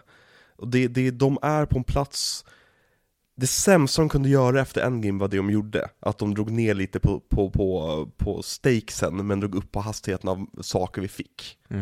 Eh, jag vet, det här, det kommer vi säkert prata om i framtiden, när vi pratar mer om MCU, men Men det känns som att det har liksom blivit en B-version för att alla våra A-hjältar Mm. har nu typ lämnat och så ska det komma nya som ska ta över. Men de är inte lika bra som de förra det blir svårt att få ihop en bättre helhet. Men och, tänk att snart får vi in Fantastic Four, vi får in X-Men och alla de där. Alltså jag tror att MCU har chans att göra en ordentlig jävla nytändning. Om Jonathan Majors visar sig inte vara skyldig till kvinnomisshandel. Ja, men det kan också slå fel. Men Ja. absolut, som IP har de ju guld på väg. Mm. Men det kan också bli en nästan, inte en spik i kistan, men det skulle kunna ge en knock i huvudet så att de Ja. faller djupt. Men Unseen Guardians blev superhyllad nu. Den, den tar jag inte som en Nej. del av det, för det är ändå James Gunn Exakt. grejer. Och jag är så taggad på hans Superman. Hela, alltså DC är så intressant nu på förhand, Mm. sen tyckte man det om DC, Det tänkte man också. förut också ja. ja. ja. Men det är ett, annat, en annan, ett annat samtal. Men tillbaka till Matrix, vi har en till Matrix-skådespelare i den här filmen. Har vi? Joe Pantoliano. Joey Pants, som spelar Teddy. Och han fick ju rollen på grund av att Carrie Ann Moss föreslog honom. Ja, det, jag blir så glad när man hör sånt. Ja. För verkligen så här, han är så perfekt för den här rollen. De tänkte ju kasta Dennis Leary först, och vilket hade funkat jättebra tycker jag. Vänta nu, vem är det? Komiker, eh, lite, han spelar eh, Gwen Stacys farsa i Amazing Spider-Man 1 och 2 och 3. Ah. 1 och 1 och 2 menar jag. Han var ju komiker framförallt och väldigt så här. Han känns verkligen som den här utslitna, korrupta polisen. Ja, men jag tycker det är bra för då hade vi typ fattat att han är polis. Här Mm. fattar vi inte riktigt. Han kan vara, han kan vara pedofil Ja, och han kan vara Commissioner Gordon. här. Ja. Han, han, har, han har väldigt lång range och det gör att vi har ingen aning om vi ska believe his lies eller inte. Ja, men jag tycker så mycket om Joe Pantoliano. Ja. I varje sak han är med i. Där har vi den största, vad fan hände med honom? Han är väldigt drabbad av mental oh- ohälsa. Han har en, en charity för Hollywood-skådisar som heter No kidding, me too! Som är, just handlar om mental ohälsa och grejer. Men han, ja, han borde ju fått en mycket större karriär. Han borde ju fått något så här Tarantino-drama som han kunde bli Oscarsnominerad för liksom. Ja men good for him då. Alltså Mm. inte att han har mental Ja, ohälsa utan att bra att han ägnar sig åt någonting riktigt. Mm. Ja men verkligen. Och alltså, i The Matrix är ju han utsökt som Cypher. Det, det, det är få skurkar man vill slå så jävla hårt. Och varje gång man ser om Matrix blir man lika förtvivlad och arg. Ja. Not like this. Eh, har du sett Sopranos? Ja. För där är han med också. Han har väl ett litet ark till och med. Ja, just det! Nice! Ja. Det hade jag glömt. Han våldtar och mördar en kvinna va? Du, det, det är så mycket som händer i den serien, det var så länge sedan jag såg den. Så att, och jag, det enda som står i vägen för att jag ska se om den, det är att Becka måste trycka på go, för jag vill se det med henne. Men hon eh, tror ju bara att det kommer vara massa tjocka gubbar som sitter på en porrklubb och säger såhär Åh, kolla snygg hon är när han dansar. Han, han har berättat att efter att han hade scenen när han våldtog och mördade en kvinna i Sopranos, så har han aldrig blivit så raggad på i hela sitt liv. Mm, they like 'em bad.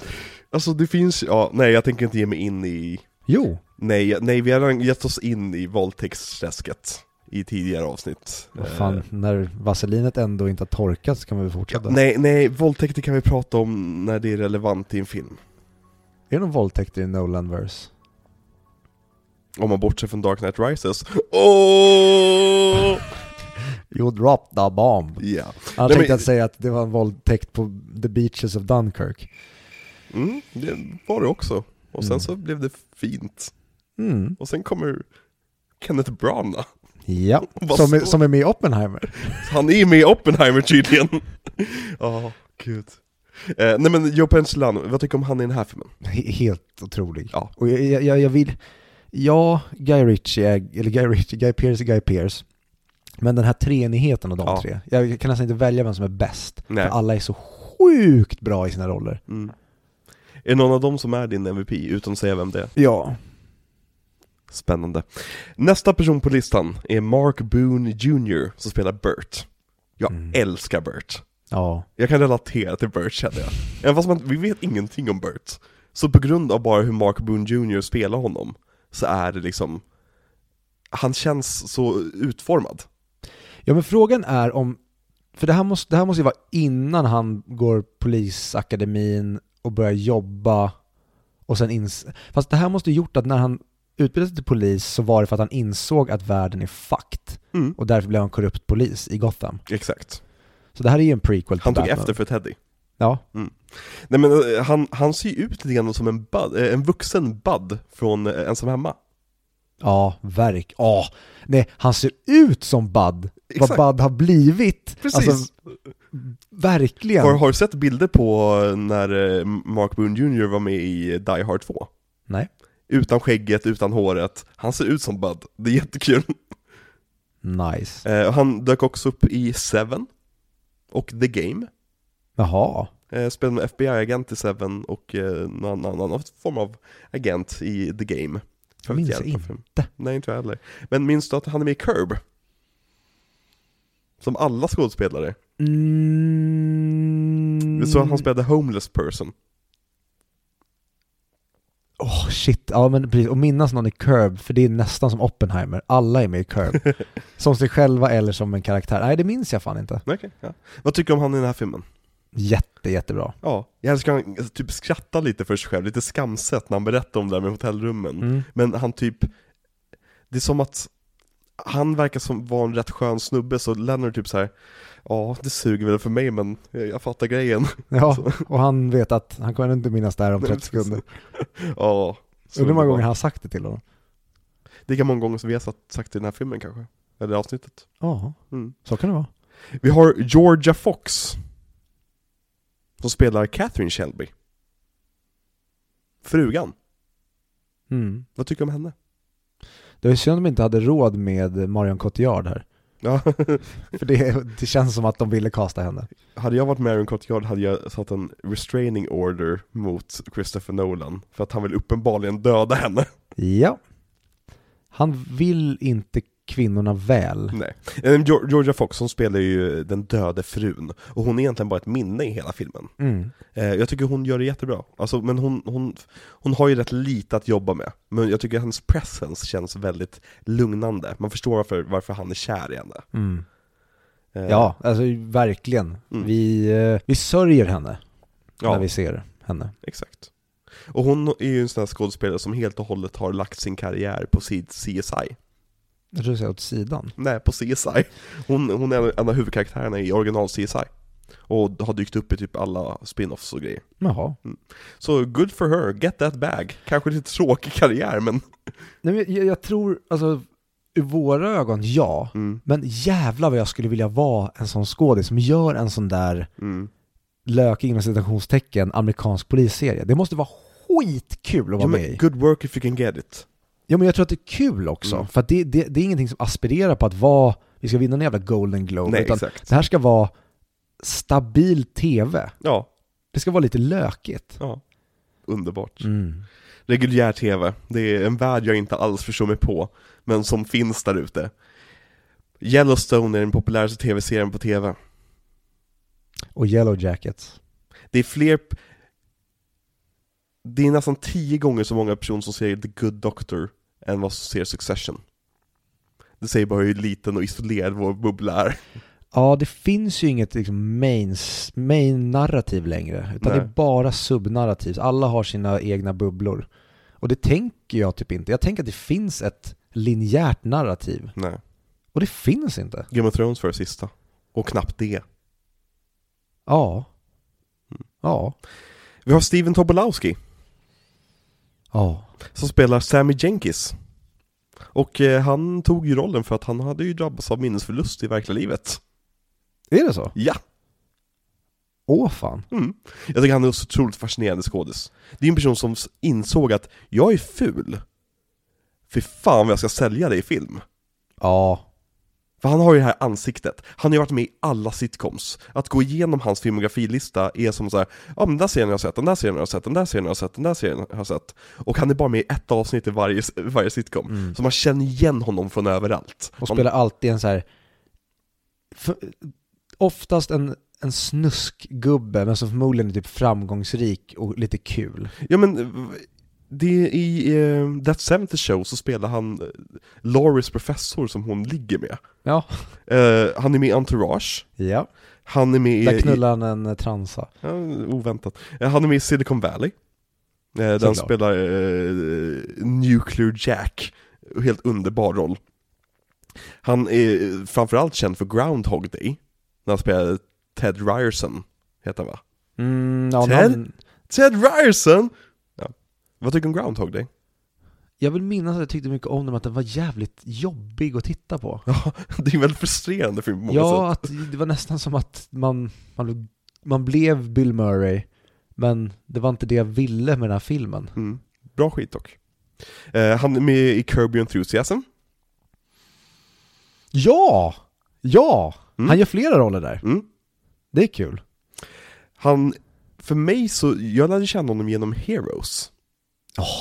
Han spelade ju hon elektriska tjejens pappa som typ var så Just jävla vidrig mot henne. Ja. Och typ utnyttjade att hon ville bara ha hans kärlek liksom. Riktigt bra skurk. Ja, åh, fan att... Var, var det manusstriken som gjorde att den fuckades? Ja, säsong två, bara rakt ner i skiten. Fan vad bra det var när det kom. Ja, säsong fyra hade ju Robert Knepper som skurk. Ja jävlar vad det spårade. Vad hände med Robert Knepper? Va, vad hände med alla dem? Jo men han var ju meningen att bli typ nya Jokern känns som i vissa ögon. Efter Prison Break. Och så bara störtdök hans karriär. Ja. Men han blev så jäkla TV... Han bara stinker TV, Ja. tyvärr. Men det kanske var därför, vad heter han, inte Peter Petrelli, hette han eh, Milo Ventimiglia Ja eller något precis, sånt där? han fick inte heller någon karriär. Nej, han spelar ju Rocky Balboas son, men det är inget att hänga i julgranen Nej. tycker jag. Eh, den har blivit hyllad som fan, men jag tycker den filmen är... Eh. Eh, vilka, vad heter han? Hiro Nakamura? Ja precis, exakt. Eh, Masioka. Han har ju dy- dykt upp lite här och där. Oftast typ som en cameo, att kolla det han. Mm. Han var ju med i Scrubs innan också. ehm, Och, var- pratade jättebra engelska vilket alltid var så förvirrande. Ja. För de två gick ju samtidigt, typ hans stint på Scrubs och Heroes. Ehm, ja. ja, det var många bra. Och sen... ehm, Malcolm McDowell, ja! han var med i typ säsong tre. Var det så sent? Ja. Okej. Ja. Men väldigt många bra karaktärsskådespelare. Malcolm McDowell är så jävla bra i Entourage. Ja men han är alltid bra när han får vara i, i, i kontexter där han inte hör hemma. När man får gå runt och vara grinig, sur Ja. gubbe. Han, är nog min topp ett röst. Ja. Det är nog få... Nej, jag skulle nog vilja ha honom som min liksom, narratör om jag fick välja. Det är därför jag älskar remakesen på Halloween. Han spelar Loomis. Mhm. Han är awesome som Loomis. I första filmen är han bitter och sur och gnällig över att vara där, och sen så tänker man att han ska lära sin, eh, sin läxa i slutet på filmen för att Mike, det visar sig att Mike Myers var sjuk i huvudet liksom, ja, mördade folk. Nej nej, i tvåan är han värre, och typ blir eh, förnedrad av Weird Al Yankovic i en intervju och grejer. Det, det, är alltså, det är sjuka filmer, vi borde se dem nästan någon gång bara för att de är så udda, de två filmerna. Det är Rob Zombie, Rob Zombie fick dra ett lass hela vägen fram och ingen stoppade honom. Awesome. Ja, precis så det ska vara. Men, eh, Steven Tobolowsky har också dykt upp i Glee. Mhm. Vad hände med Glee? För Glee var ju prestige-tv första säsongen. Men det var, det var riktigt, ett så här, vit medelklass, det, det var så ofarligt och de försökte vara lite, lite mobbande mot han i rullstolen, Ja. lite homofob, men det brände aldrig till och det blev bara att här är en låt som är kul att gå och sjunga på. Vet du vad Glee är? Glee är det som folk tror att community var. Ja, Absolut. Och på tal om community så dyker Steven Tobolowsky upp i community också såklart. Gör han? Jag minns inte vilken roll nu, men jag har det uppskrivet, men eh, jo, eh, det gör han. För han dyker upp i allt.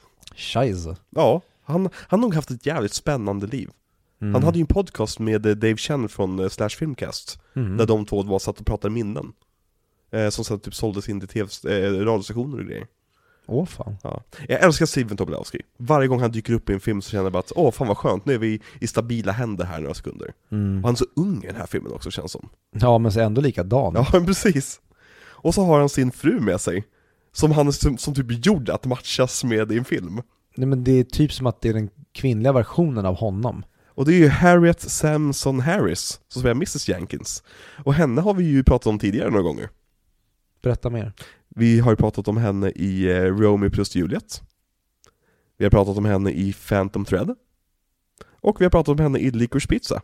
Och i både Phantom Thread och Licorice Pizza så var hon typ nära på att få MVP från oss. Just det, hon är agenten i Licorice Pizza va? Exakt, och eh, baronessan i... eh, Åh, fan vad sorglig hon är. Hon är så jävla bra skådespelare. Ja. hon borde otrolig. få en större karriär. Ja, men samt, jo, ja. Alltså hon hade väl kunnat göra någon Kathy Bates-roll. Jo men hon- det, det har hon gjort, Desperate Housewives. Hon var ju den här snokande grannen. Ja! Mm. Desperate House, Housewives, det var bra skit. Se inte om den. Jag och Ida eh, försökte ge oss på eh, att se om den.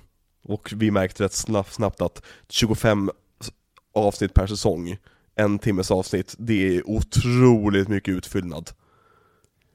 Jag hade velat se i så fall då, om det nu inte är bra. Mm. Gör en Directors Cut där ni Ja. bara kortar ner allting och gör det till miniserier. Det, eh, Sterling är ju med där. Ja! Vad heter han? Eh, Och eh, Kyle MacLachlan är också med. Ja, Ka- Kyle MacLachlan. Jag hade ingen aning om vem det var då. Så Nej, när, sen när jag heller. upptäckte Twin Peaks var det Men det är ju han från Desperate Housewives. Näha, det var tvärtom. Mm. Ja. För att där, min farsa sa ju det att Nej men det är han från Twin Peaks. Mm. Jaha. Vem Vi hade ju lite av en stuntcast casting i Desperate Housewives, så att man ska tycka att han, han är lite obehaglig. Mm. Just på grund av vibesen från Twin Peaks. Orson hette han vill jag minnas. Exakt, Orson Hodge. Ja. Brees nya man efter hon råkade döda sin man genom att förgifta honom med Alltså. nötter eller något sånt där va? Den- Den serien spårar ju. Ja, Men- och den creepy ungen Paul. Nej, Paul var, var mannen till Mary Alice. Ja, som spelar han i Mad Men. Ja, Ehm, precis. Ja, exakt. Som säkert också heter typ Paul. Åh nej, åh fan det är så tragiskt med med den karaktären. Hur han blir mer och mer alkoholiserad och sen så kissar på sig själv och sen typ Nej, det är inte han. Nej, nej jag blandar ihop Freddy. honom. Ja exakt, jag blandar Fred, ja exakt. Men han, han blev också alkoholist väl? Och sen typ han försöker, han, han typ med en, ett avsnitt per säsong sen, där han typ försöker alltid poacha folk till sitt nya ställe. Ja, och det, det slutar väl med att han blir en jävla antagonist till Don va? För Ja, han är väl en av precis. de som verkligen konfronterar honom om att man kan inte bete sig så här. Nej, Ni måste ja men exakt. honom. Ja. Fan, Mad Men måste jag se om. Eh, vi kommer prata om Mad Men när vi pratar om Succession. Ska vi prata om Succession? Det är klart vi ska. Jaha. Det- Ja, jag vet, jag var jävlas med dig. Ja, det är klart som fan vi ska prata om Tänkte- Succession. Har jag fått korttidsminnesförlust? Varenda avsnitt den här säsongen. Har bara, Nej, det pratar vi inte om nu. det pratar vi inte om nu. Vi vi pratade ju om Harriet Samson Harris, vad tycker du om henne i den här filmen? Jag hade glömt henne och Steven Tobolowsky. Mm. Men de är typ MVP. De är ju min MVP. Alltså speciellt Topolowski. Hur han spelar det här som de pratar om att, men han känner ju igen mig. Men det är bara skådespel, för att inte bli diskriminerad eller, eller Ah. liksom behöva förklara. Han, han, han spelar med så subtila signaler i den här filmen att det är nästan svårt att tänka sig att han är en skådespelare. Mm. Eh, för han, han är min MVP, 100%. Eh, Steven Tobolowski. Ja, Sammy Jankis. Mm. Vem är din MVP? Nej men det är de. Mm. För de är den emotionella assfucken som kommer. Exakt. Som vi inte var redo, vi tänkte aldrig att den skulle komma utan Och scenen med insulinet. ja, vi, vi, vi, är så, vi, är rädd, vi, vi tycker synd om Steven Tobel eller som Sammy Jankis när vi får bara höra vad som har hänt dem. Mm. Att hon, att de säger att nej men ni får inga försäkringspengar. Eh, så, så redan där tycker man så jävla synd om att hon, hon är fast med den här snubben som hon, hon, han minns att han älskar henne, Mm. men han minns inte någonting nytt. Och hon missuppfattar också det här med att han säger, det, det Leonard egentligen säger är att försäkringen täcker bara fysiska åkommor. Mm. Det här är ingen fysisk åkomma. Hon tar det som att han fejkar. Eller jag kan få fram den riktiga Sammy. Ja, att det, är potentiellt, precis att, ja men lite som man tänker kring typ liksom psykisk ohälsa, att Mm. nej men det går att tänka bort. Ja. Att, för vissa är det fysiskt, men det går inte att mäta. ja. Eh, men först bara den delen. Mm. Sen delen när han dödar henne, Mm. då blir det jätte, jättesorgligt. Och sen kommer den sista bara, när man vrider om pungkulorna på en, Mm. när, nähä, det var Lenny inte. själv Exakt. som han pratade om. Mm. Och han har förträngt det, Ja. för att han är hjärnskadad. Det är Han klart han har det. vridit om saker, för han är hjärnskadad. Ja. He's the retard. Ja. Ja. Nej, nej men verkligen. De, de, de, de är filmens hemliga magitrick. Mm. Som man väldigt lätt glömmer bort. Och det är underbart. Det är Ja. typ det bästa med hela filmen. Jag längtar alltid efter mer scener med dem. Mm. Jo men jag tänkte på det nu när vi fick se den här svarta, jag, Mm. jag hade velat se ba, eh, bara en sån här film, ett drama bara om försäkringsdelen och Ja, han, hans utredning som är svartvit fotad exakt så här. alltså kolla på henne. Så jag försöker läsa av minsta lilla tecken på honom. Och just för att han är en så bra skådespelare också, så är det som att det är skådespelaren som sitter och läser den andra skådespelaren. Ja. Åh, det är så bra! Och vrider tillbaka klockan. Klart. Och så gör vi det igen. Och det här äh, Att liksom såhär, Sammy, it's time for my shot Ja, Ah, det är klart ja. Oh. Och så här, han är förvirrad Men är han förvirrad för att han fejkar? Eller är han förvirrad för att han är allmänt förvirrad? Ja. Och det, är så här, det går inte att läsa av där, fast vi vet ju sanningen, men vi vet ju inte sanningen, eller kanske, eller ja, nej, han är så jävla vältunad skådespelare för den här rollen. Ja, Ja, och det, det här narrativet får vi ju sen även i Inception med Mal. ja Att- exakt. Nej, hon pallade inte leva med tron om att det var på det här sättet. Nej. Eller? Eller? Vi kan eh, börja med musik. Vad tycker du om musiken i den här filmen? Du landade lite kort på den tidigare, men Den är jätte, jättebra Ja. och väldigt, väldigt tydligt att det blir alltså, David Julian Mm. som gör, gjorde scoret i Following. För de Ja. påminner så, det finns det här liksom som det ligger ju upp typ under hela de svartvita bitarna, Mm. när han pratar i telefon, så Ja. har vi den här stressade klockan nästan. Eh, och det tycker jag, Nolan har ju tagit med sig det framåt. i, när han ger musik till andra kompositörer också. Eh, jag tycker musiken är jättebra i den här filmen. Mm, Eh, och, och speciellt hur den slutar eh, med en låt. Det, eh, man, man behövs tas ur filmen lite grann Mm. när filmen slutar. Och det tycker jag gör, de gör jättebra. Mm, Jag tycker också om det, det dramatiska scoret. Mm. Det känns ja, men som, om, som om Hans Zimmer, om någon hade sagt att du får absolut inte bli bombastisk här. Du ska Mm. vara så len som du bara kan. Okej, ja, men då gör jag det här. Mm. Det är, det är som att Hans Zimmer inte kan vara så här len. Nej.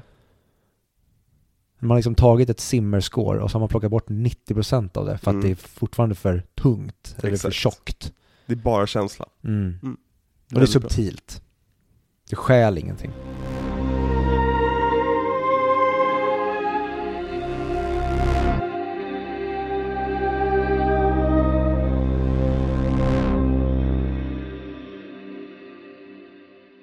Kan inte du vara jättesnäll och bara fylla ett glas vatten till mig? Nej, fy fan heller. Jag visste att det skulle bli tjafs.